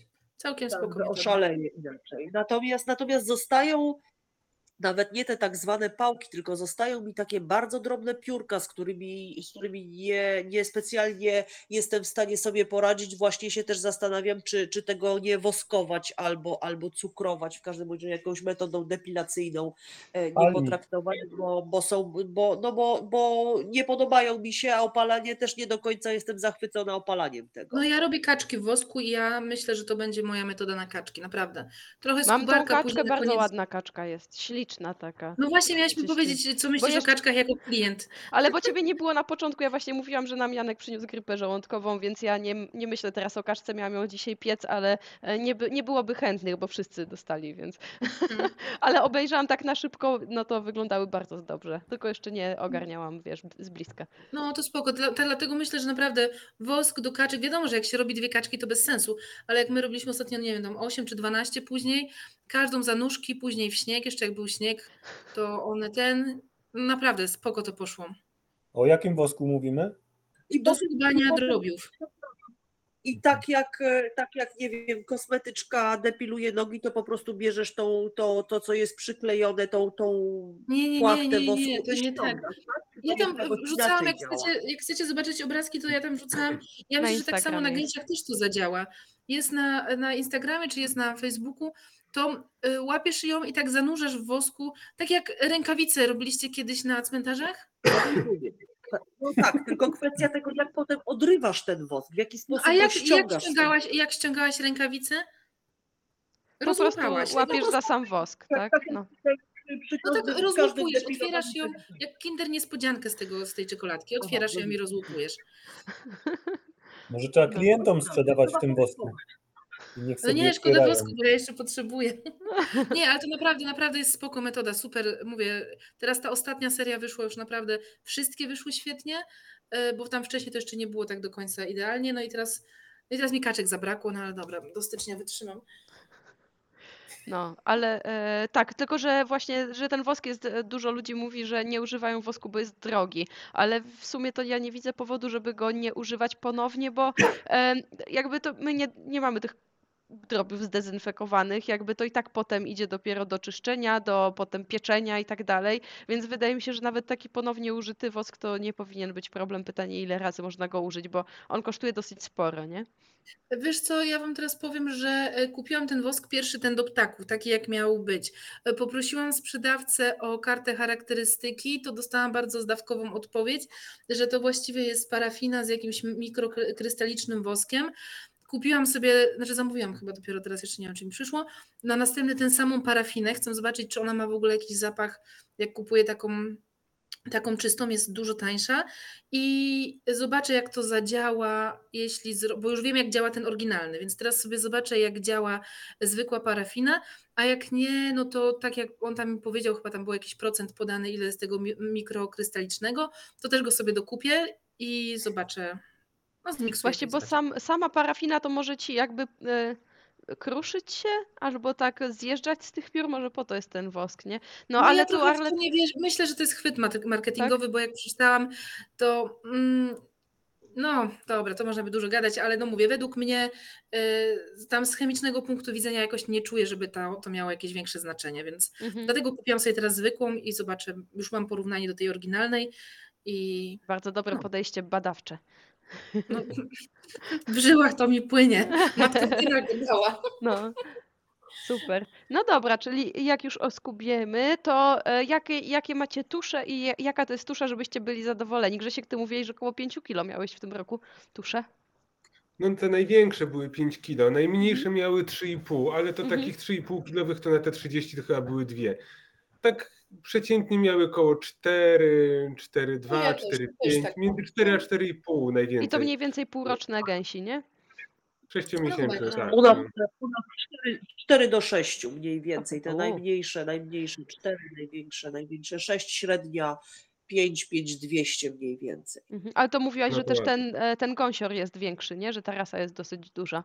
Może to to ma Gąsior, wpływ? gąsior był większy. Tak. Natomiast w zeszłym roku, jak mieliśmy tylko kołuckie z wylęgarni, to też było to koło, koło pie- 4,5 do 5 mniej więcej. Mhm. Nawet No tak. 5,5. Zdarzało mi się też takie kołuckie gąsiory bywały, takie wielkie. Kołucka jest mniejsza od Landesa, Landes jest wie, wielki, no to wielkie gęsi są. Hmm. Hmm. E, Kuba, a ty u ciebie jakoś, e, bo, bo wy mieliście e, gęsinę na sprzedaż ostatnimi czasy, Tak, kojarzę. No, U was też podobnie? mm, Przedział między 4 a 5. Myślę, że średnia około 4,5, 4,6. coś Mhm. No to ja powiem wam taką ciekawostkę, że jak ja miałam te gęsi na próbę, to my je kupiliśmy jakoś mega późno, bo my je kupiliśmy pod koniec lipca chyba, albo w połowie lipca i potem je ubijaliśmy też jakoś w listopadzie, jak już trawa się skończyła i one były maleńkie, mm, bo one tam miały tuż chyba ze 2 kilo czy coś, ale gadałam z Marcinem z Kieroci i on mówi, że właśnie, że też e, pierwszy raz jak mieli gęsi, to mieli, ubijali je zbyt młode i też były e, chude, małe i, i mało smaczne, bo te nasze też były e, nie za, nie za bardzo smaczne.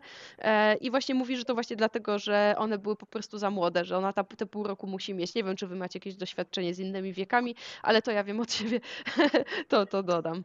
No ja, mam o tyle doświadczenie, że, że mówiłam, że ta gęś nam się w siatkę zaplątała, to ona niby wyglądała już na dużą, taką wyrośniętą, fajną, natomiast jak ją, jak ją obłuskałam, że tak powiem, to okazało się, że piersi praktycznie wcale nie ma i w zasadzie to tam nie ma co jeść, że to są głównie pióra i wnętrzności. O. Także faktycznie dla młodych nie ma sensu. Mhm, tak.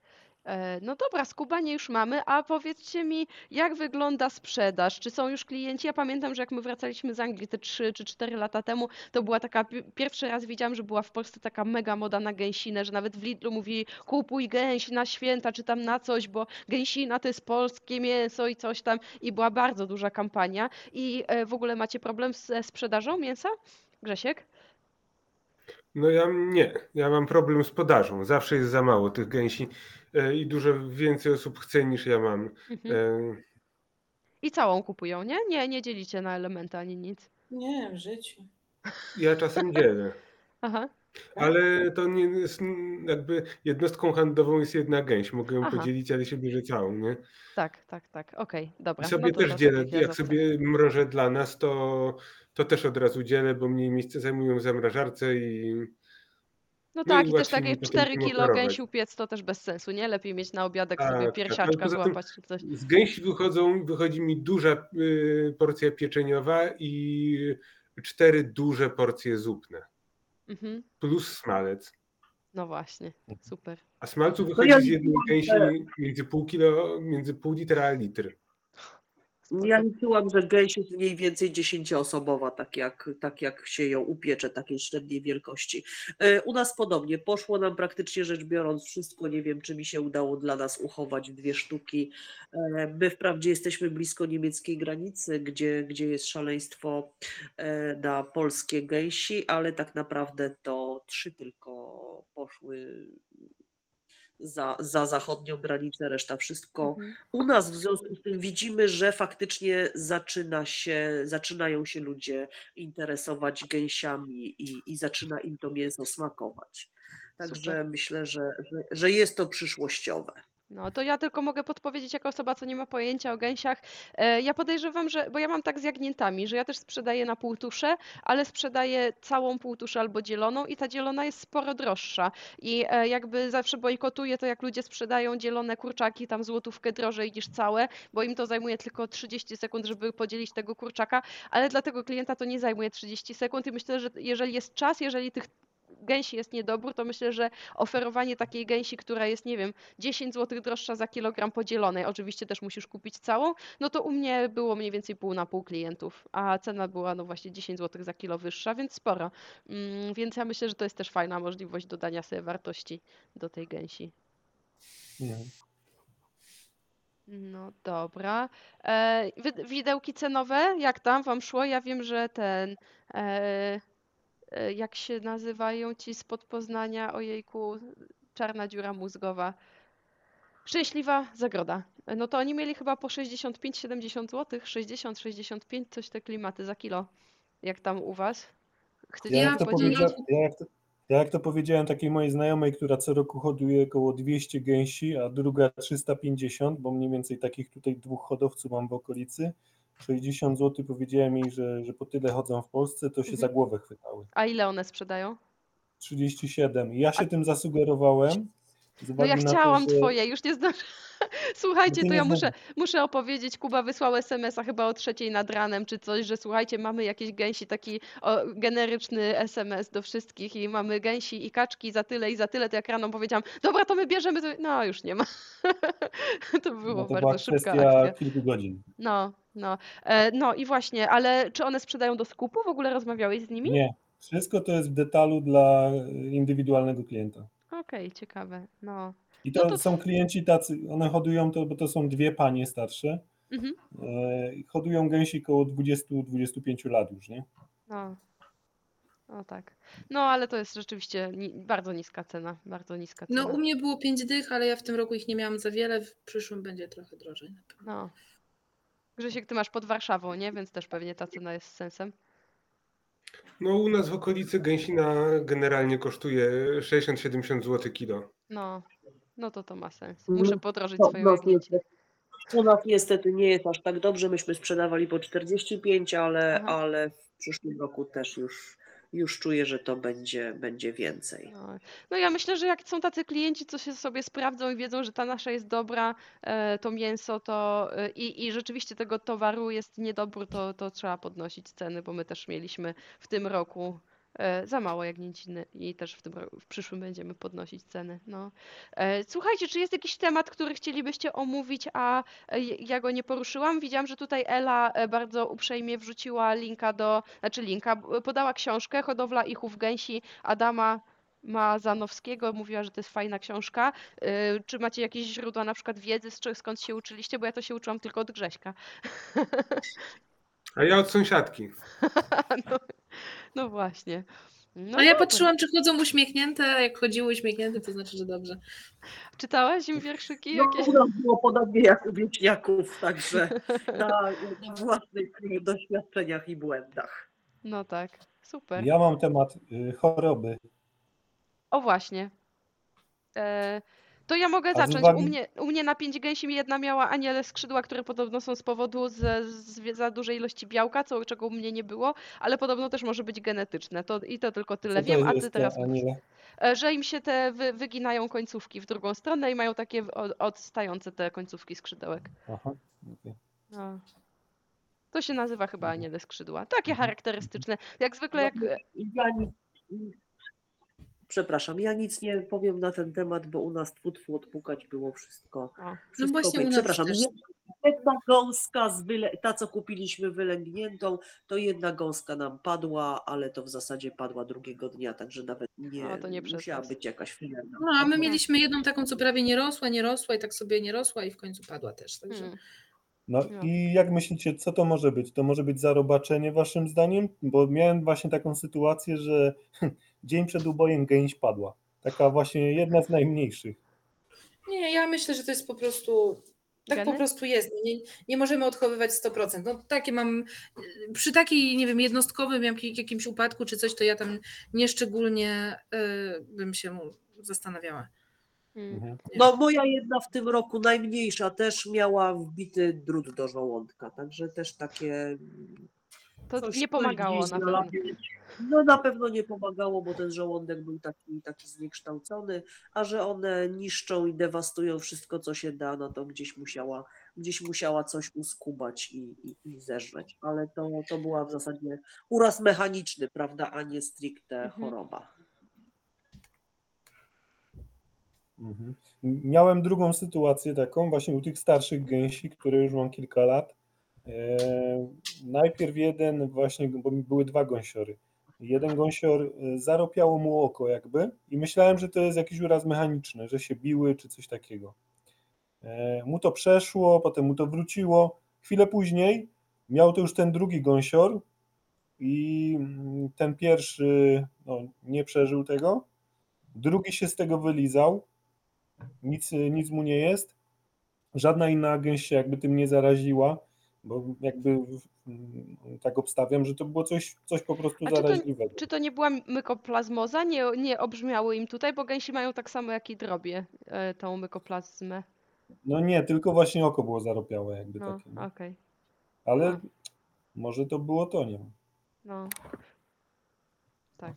U mnie, u mnie było, teraz sobie przypominam, że u mnie była mykoplazma i jak u, u kur nigdy nie było, to gęś dostała tej mykoplazmy i potem już kury też dostały, jak, jak się tam na jesień, jak się zrobiło chłodniej. E, no, no ale to jakiś tam antybiotyk na to mi dali, a teraz to już tam olewam. już, już nie ma raczej, nie pojawiają się. No dobra, ale to wygląda na to, że te gęsi tak naprawdę są w miarę, jak, jak im się daje dużo do wyboru różnych tych pokarmów to i pastwiska, no to raczej są dość odporne, nie? Tak to brzmi. Tak, są dosyć odporne i w ogóle na przykład na wirusowe choroby, te takie grypowe ptasie, to gęsi są najbardziej odporne ze wszystkich, e, ze wszystkich drobiów. Na drugim miejscu indyk, ale, e, ale gęsi mało chorują. Natomiast no, genetycznie nie są jakoś super mocne, w szczególności te kołuckie i tak jak Arleta mówi, no po prostu czasem coś padnie, jak się kupuje, nie wiem, te, te 20-30, no to 2-3 muszą zawsze paść. Te 10% to tak u mnie, a w zeszłym roku to mi dużo padło, bo miałem jakieś strasznie słabe trafiłem. Ale no zawsze jest jakiś po prostu albo z krzywym dziobem, albo coś, albo nie rośnie i chude strasznie. To ją resztę, resztę będą ją dziobać wtedy, albo nie, albo coś tam innego Nie się dopuszczą stanie, ale ja za to, ja w to za bardzo nie wnikam. One sobie wiodą swoje gęsie życie. Mhm. Pewnie jakby się dało je selekcjonować lepiej, chociaż Arleta tutaj może będzie jakiś holding robiła gęsi, bo jak u niej się wylęgają, no to dobrze, bo to tak naprawdę jak kupujemy, to ciężko wyselekcjonować właśnie jakieś fajne geny i to co się trafi, to się trafi, nie? Mm, a żeby mieć jakąś taką sprawdzone tam osobniki, co są e, silne, no to by było pewnie lepiej. No właśnie, to ja dlatego tak samo myślę o tym trzymaniu przez zimę i to samo pomyśleliśmy z indykami w tym sezonie, że z jednej strony mieliśmy ochotę z nimi skończyć, bo nas trochę wkurzały, ale później sobie myślimy, kurczę, znając mnie, to za rok czy za dwa znowu będę chciała i te już są tak odporne, naprawdę nam się dobrze odchowują, no i trzeba trzymać. I tak samo myślę, że jest z gęśmi, że jeśli one już u nas tyle mieszkają, no to jakiś tam, no nie wiem jak to powiedzieć, odporność tutaj, tutejszą mają i dlatego ich dzieci też w tym roku bardzo spoko były. No wasze Więc no warunki trzeba- są przyzwyczajone, nie? To tak, więc no, ja naprawdę, naprawdę jestem fanką trzymania y, stada zero, jak ja to tak sobie nazywam. Mhm, jasne. O, właśnie, bo tu Kuba, nie ten Kuba, tylko inny, drugi Kuba, e, spytał się, jak to jest z rozpoznawaniem płci u gęsi. Wiem, że u tych białych to wcale nie jest takie proste. E, Jak to u was wygląda? Bo ja to nie znam się na tych rasach Ja szczerze n- mówiąc. ciężko mi jest rozpoznać, ale sąsiad mówi, że on to rozpoznaje, bo e, gęś ma bardziej okrągły brzuch e, i jak się od tyłu na nią patrzy, to widać, że jest bardziej wyokrąglona. Za to u gąsiora bardziej widoczna jest taka wystająca do przodu pierś. No i on twierdzi, ja że on rozpoznaje po po- pokroju ciała. Po, po Ja szyi nie bardzo, według mnie po szyi bardzo dobrze widać. Tak? Znaczy, no, gęś, jednodniowy gąsior jest większy, ma szyję grubszą zawsze. E, No i po zachowaniu, no i po zachowaniu. Ale czasami widać, a czasami nie do końca. I to potem jak już te gęsi wybijałem, to potem się okazywało, że o, to jedna taka sztuka była wielka, to na pewno gąsior. A oskubany, no widać po kształcie kloaki, bo gąsior ma taki świderek. Ale to była gęś, tylko że duża po prostu. A któraś tam mniejsza, a o skubie patrzy, kurczę, gąsior. Chociaż byłem przekonany, że gęś, bo trochę mniejsza od reszty. Ale Także, wiecie, że na żywca można odwrócić i sprawdzić, nie? no można, można, pewnie, no ale to mi się nie chce tam ganiać ich, łapać, Nie, męczyć. dopóki to nie jest potrzebne, to nie, ale jak byłam, Pewnie. e, chciałam właśnie o te niebieskie od sąsiadki, no to ona mówi, nie, nie będzie, to nie wiadomo jak to zobaczyć. Ja mówię, dawaj mi to, odwróć mi to. Mam Nie? Google'a. No i mam Google i to naprawdę spoko, to się udało. No, Ale Kuba tutaj pytał o jednodniowe gęsi. No właśnie, A u no, jednodniowych to nie mam pojęcia, czy się odróżnia. Czy tam No, jest dymorfizm w ogóle w wieku. Pewnie można seksować na zasadzie, jak ja na przykład kaczki w tym roku kupowałem, to wiedziałem, że to będą Francuzy i to będą tylko kaczuszki, bo kaczory były już gdzieś tam rozdysponowane. No tak, trafił się jeden kaczor faktycznie, ale to tak jakby sugestia była, że może coś z nim jest nie tak, że, że ten trafił między kaczki. Albo wiesz, oni to seksują tak szybko, jeżeli to działa tak jak przy kurczakach, że to czasem jest jakaś pomyłka, więc to nie jest problem. Ale Może. jeśli chodzi o to seksowanie, to e, ja tylko słuchałam kiedyś takiego wykładu fajnego, który zniknął. Właśnie chciałam Arlecie po, podrzucić, ale się okazało, że go już nie ma w internecie. E, Koleś mówił chyba z półtorej godziny wykład robił o hodowli pastwiskowej kaczek i właśnie i on mówił, że zaczęli seksować kaczki, bo oni mieli do dnia wybrany moment e, skubania i to było tak, że kaczory trzeba było skubać tam w 49 dniu życia, a kaczki w Ej, wiecie, że 51. to może, że ja tak myślę, że to może mieć znaczenie? Ja myślę, że tak. On mówił, że to było Jeszcze bardzo sobie, duże jeszcze znaczenie. sobie tego nie, nie udowodniłam sama sobie, ale miałam już takie podejrzenia. No. On mówi, że właśnie tak, a oni robili taką skalę, że tam kilkaset tych kaczek w jednym rzucie, więc jakby mieli dużą próbę i właśnie powiedział, że tak, że do, zanim nie seksowali, to mieli ogromne problemy ze skubaniem, a jak je podzielili, to się okazało, że właśnie tam chyba trzy dni, czy ileś tam dni różnicy było pomiędzy dziewczynami a chłopakami i w ogóle bez problemu, więc mm, no to jest kolejny punkt do, do obserwacji. Nie wiem, czy przy gęsiach też tak jest, no ale No znowu... tak, u kaczki trafić y, między jednym pierzeniem a drugim to naprawdę to jest kwestia dnia, bo te pióra rosną tak szybko i ja nigdy na przykład, no to z, z, czasem mi się uda, czasem nie, ale pełna losowość. O. Z No gęsiami właśnie, jest prościej pod tym względem. Przy tych gęsiach to chyba nikt nie ma takiej skali, żeby to było aż tak istotne, nie? Jakby, żeby wyłapać ten moment i żeby dzielić te płcie i tam się potem bawić z dwoma stadami, to chyba nie bardzo ma sens. Chyba nie. No nie, u mnie wszystkie były idealnie po prostu w punkt w tym roku, a przecież było nie wiem, z jedna trzecia gąsiorów, także nie było różnicy. Te No. moje znajome, te, które ma, jedna ma tam ponad 100, a druga tam chyba w tym roku miała tych gęsi 350, no to oni, one nie zabijają tego w jednym dniu.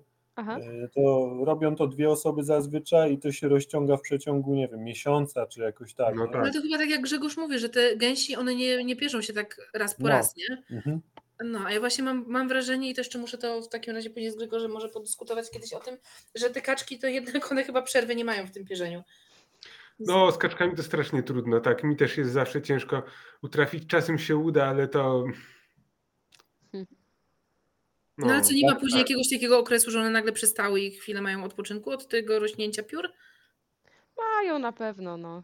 No to tak jak Ale wiesz, to chyba jest krótko bardzo.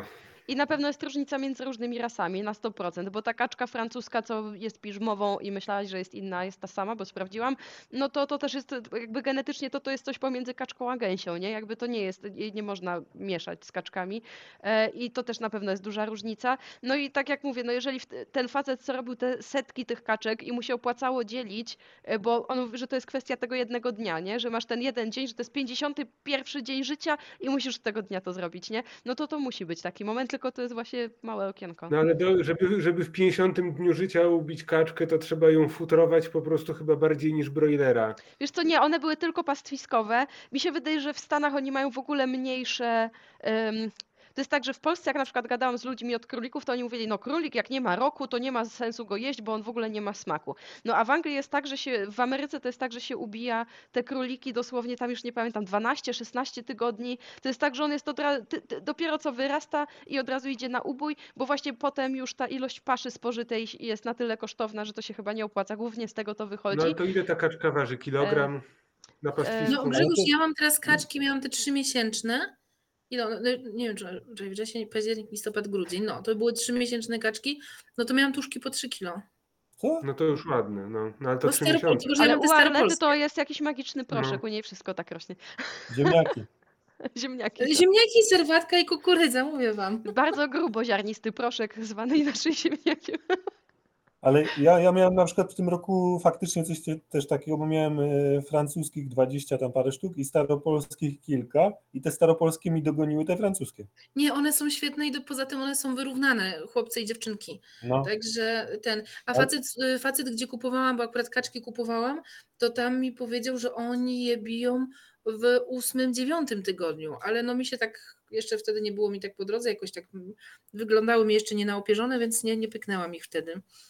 No, i ósmy więc Tak, tydzień to tam już blisko tego że- 50 któregoś dnia. ja tego nie wiem, ale, ale to mi mama tam w jakiś sposób tłumaczyła, że kaczka jak e, zakłada skrzydełka na siebie, to wtedy jest ok, tak? Czy jakoś tak?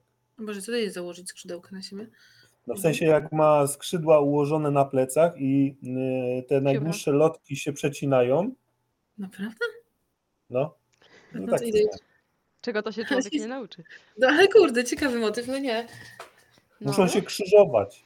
O to chodzi. Do sprawdzenia, trzeba się Do przyjrzeć. w sprawdzenia, tak. Muszę, No. muszę te kaczuszki obejrzeć. Nie, chociaż one teraz mają, te, ta druga tura to jeszcze jest trzy tygodnie za młoda. No. To nie Ale możesz patrzeć na skrzydełka. Tak, No, ja będę myślę, patrzyła już że- teraz na skrzydełko, to jest następny roku. A ja kaczki to jeszcze powiem wam dworki bardzo lubię. No to, to są właśnie te dworki staropolskie, to mi się wydaje, że to jest tak coś podobnego. No dworka bardzo szybko rośnie, tłusta jest. Fajna kaczka. Nie, ja właśnie też ich nie rozróżniam, tak jak piżmowej od pekińskiej, tak czekaj. Kaczka, No bo to jest. d- Wiesz, ma być- Dlatego... O, no nie, i właśnie. piżmowa to francuska, a Pekin to jest inna kaczka. Pekin to jest biała taka, jak gęś, tylko kaczka. A, no ja, ja mówię, ja tych białych nie No jeszcze rozróżniam. są mulardy, kaczogęsi.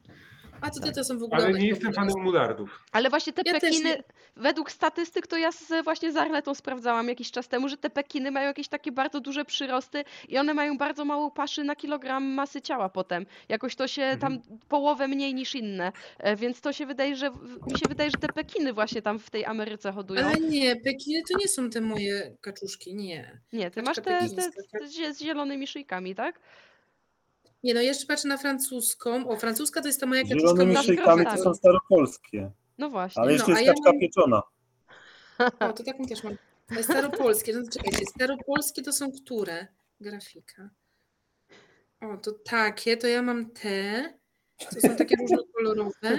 No ale ona tak samo wygląda jak ta dworka. Na jedno, jeden ten mi wyświetla. To nam się zrobił ten mikropodcast o kaczkach, ale Dobrze, słuchajcie, ja muszę kończyć powolutku. No, właśnie, ja myślę, tak, że już w ogóle jest- skończymy. Temat ogólnie jeszcze ten odświeżymy kaczy temat. E, e, zrobimy może za parę tygodni sobie o kaczkach. Jeszcze mamy możliwy temat o indykach i o owcach koniecznie musimy zrobić. to indykach liczę. biorę, biorę, biorę. Indyki No. są zajebiste. Ja Grzesiek, też o indykach, Aha. Ja, I kaczki. Ale to ja tobie w ogóle zazdroszczę tych indyków, bo ty masz jakąś w ogóle super populację, super geny. Ja nie wiem, miałem z indykami same problemy, ale, ale indyki są świetne i też się nie Nie, to tu pozbywam. wyślę jajka. Bo u mnie już będą, nie wiem, na Sylwestra będą chyba się lęgły. Ja to w Zanim Moje to indykach drugie najbardziej badania lubię, jak ja jakieś marne są te moje. Moje dopiero zaczynają, z, z, nie wiem, koniec kwietnia. Nie, moje muszą trzy razy Ja myślę, że to zdążyć. te ziemniaki. Ja, Ziemniaki i kukurydza, no tak. Ziemniaki i serwaty. I serwatka Serwatka. właśnie. No. Dwa No, zdania, dobra, jeżeli już o mogę indykach jeszcze. nie będę gadał, zrobimy o indykach Tak, oddzielnie. zrobimy. No i o owcach jeszcze, Grzesiek, też liczę na ciebie przy owcach. Dobra. Będziemy gadać. chętnie. Dobra, to trzymaj się Grzesiek, dzięki. Cześć, trzymajcie się, bardzo wam wszystkim dziękuję. Pa, Na razie. No, Cześć. słuchajcie, czy, a czy my mamy jeszcze jakiś temat, do, czy coś wam ciąży na serduszku? Jakiś temat, którego nie poruszyliśmy? Dwa zdania chcę powiedzieć tylko jeszcze odnośnie powiedzmy gęsi, Mhm. Yy, bo w tym roku miałem i kaczki, i gęsi, i broilery w sumie po pierwszy, pierwszy raz, to mm, z mojego małego doświadczenia gęsi to była najprostsza hodowla yy, z tych, tych y, wszystkich tutaj ptaków. Mhm. Yy, mm, Problemem jedynie było to, że miałem je z kaczkami od samego początku i kaczki mi próbowały te gęsi wydziobywać. Słyszałam, że kaczki są agresywne i dominują i że te kaczki muszą być sporo młodsze, młodsze od gęsi, żeby sobie radziły gęsi. Tylko, że jak będzie za późno, to już pewnie nie połączysz tych y, dwóch stad, a ja miałem je w odchowalniku i Mhm. no to było istotne, żeby to było od razu, nie? Tak, tak. No. I, i ten Francuz właśnie, to on jest taki no pazerny właśnie i, i na białko i na wszystko, więc on, on próbował po prostu gdzie się dało i co się dało. Tak, to mój pierwszy, pierwszy mój ubój był właśnie, że kaczor zjadł mi jakąś inną kaczuszkę, czy gąskę, czy kogoś widziałam, jak on ją zjadł i wtedy go pyknęłam i to był mój pierwszy raz. Jaki pyszny. Smaczny. A w ogóle Arleta, bo ty zjadasz te piżmowe francuskie kaczki, e, też zjadasz? Nie, nie zjadam ich, to są moje inkubatorki. Aha, okej. Właśnie, bo słyszałam, że właśnie one mają zupełnie inne mięso przez to, że to jest inna ta, bo to one są ze Stanów, a, a prawdziwe kaczki są z Europy, nie? I właśnie słyszałam, że to jest tak coś pomiędzy kaczką a gęsią, że one mają inne to mięso i tak dalej. Nie, Ale no to inkubatorku- tak ma. Zuza Mullard tak ma pomiędzy kaczką, gęsią i to w ogóle takie jest jaśniejsze mięso. Ale mulard to jest mieszanka w ogóle, a kaczka piżmowa, czy też francuska, to jak sobie przeczytasz, to ci y, wyślę, y, znaczy to ci w Google wyskoczy, że one właśnie to jest tak, że y, jakby to, to jest jak koń i osioł, że one niby wyglądają podobnie, ale są genetycznie różne i no, ich krzyżówka jest niepłodna i to są chyba te mulardy właśnie, tak? Ale sama kaczka piżmowa właśnie też ma to mięso takie inne, że jak dzikie kaczki, jak bardziej jak Mi się dzikie. piżmowa no. skrzyżowała z biegusem i one były niepłodne, ale za to latały strasznie daleko. Tak, bo wszystkie inne kaczki są europejskie, a ta jedna piżmowa, ta francuska, nie wiem dlaczego się nazywa francuska, bo ona pochodzi ze Stanów Zjednoczonych i one mają zupełnie inne geny i dlatego nie można ich krzyżować. Znaczy można, no ale nic płodnego z tego nie wyniknie. No. Mi te francuskie nauczyły się latać i jak ta pani, która hoduje te 25 lat te kaczki, to mówi, że nigdy nie miała takiej sytuacji, to na koniec sezonu te kaczki mi pod górę latały. Za mało Startowały- ziemniaków, za mało ziemniaków. Nie było w ogóle ziemniaków. To to właśnie. I były za lekkie. A ty, Arleta, ty masz taki przy, zaorane po, poletko i wy tam po prostu uprawiacie te swoje ziemniaki? tak. Skąd ty masz tyle ziemniaków? No pierwszy raz tam w tym roku trochę tych ziemniaków wyszło, ale teraz ym, u nas na wsi prawie nie, ma, nie mają ludzie zwierząt, a jak mają zwierzęta, to nie chce im się karmić ziemniakami. Mhm. No i po, po tych naszych pięciu czy sześciu latach, jak my już tu mieszkamy, to w końcu już jesteśmy chyba swoi i zaczynają ludzie nam, my dostajemy odpadkowe, Mhm. te jak oni sobie przebierają dla siebie, bo każdy ma tam po kilka rządków. Okej. Jak sobie No, przebierają, super. to później my dostajemy te ziemniaki. My mamy O, górę nice. tych ziemniaków teraz. okej. A jak nawet nie, wtedy, nie wiem, w zeszłym roku czy coś jeszcze tak nie dostawaliśmy dosyć dużo, to u nas, nie wiem, są po 40 groszy, 30 groszy odpadkowe można kupić. Okej, to ja muszę się tutaj u siebie ogarnąć, ale u nas to to na mało Eliksie chce. normalnie, na Eliksie normalnie było i właśnie te odpadówki i naprawdę I to zawsze mówię wam, trzeba no, parować, nie? Nie trzeba. No tak. Tak, no i dlatego to właśnie ten, ten motyw był taki, że my te kaczki mamy teraz ich tych 60. Znaczy nie, już nie ma tyle. za- No właśnie przez to, że nagle się okazało, że mamy załadowaną tą piwniczkę ziemniakami, mamy naszą kukurydzę, która nam wyszła, a nie ma już tego za bardzo kto jeść. No i padło na kaczki. Właśnie mi się przypomniało, że sąsiadowi zawoziłem, no dla dla drobi ogólnie też około 300 kilo odpadowych ziemniaków. No właśnie, no to tak, tak. No bo ja nie No wiem, i to- co z tym zrobić, a No i właśnie, oni się cieszą, a jeszcze ode mnie dostaną jakiś twarożek czy coś. Im jest lżej, bo nie musieli wypieprzyć, bo się cieszą, że ktoś to zje.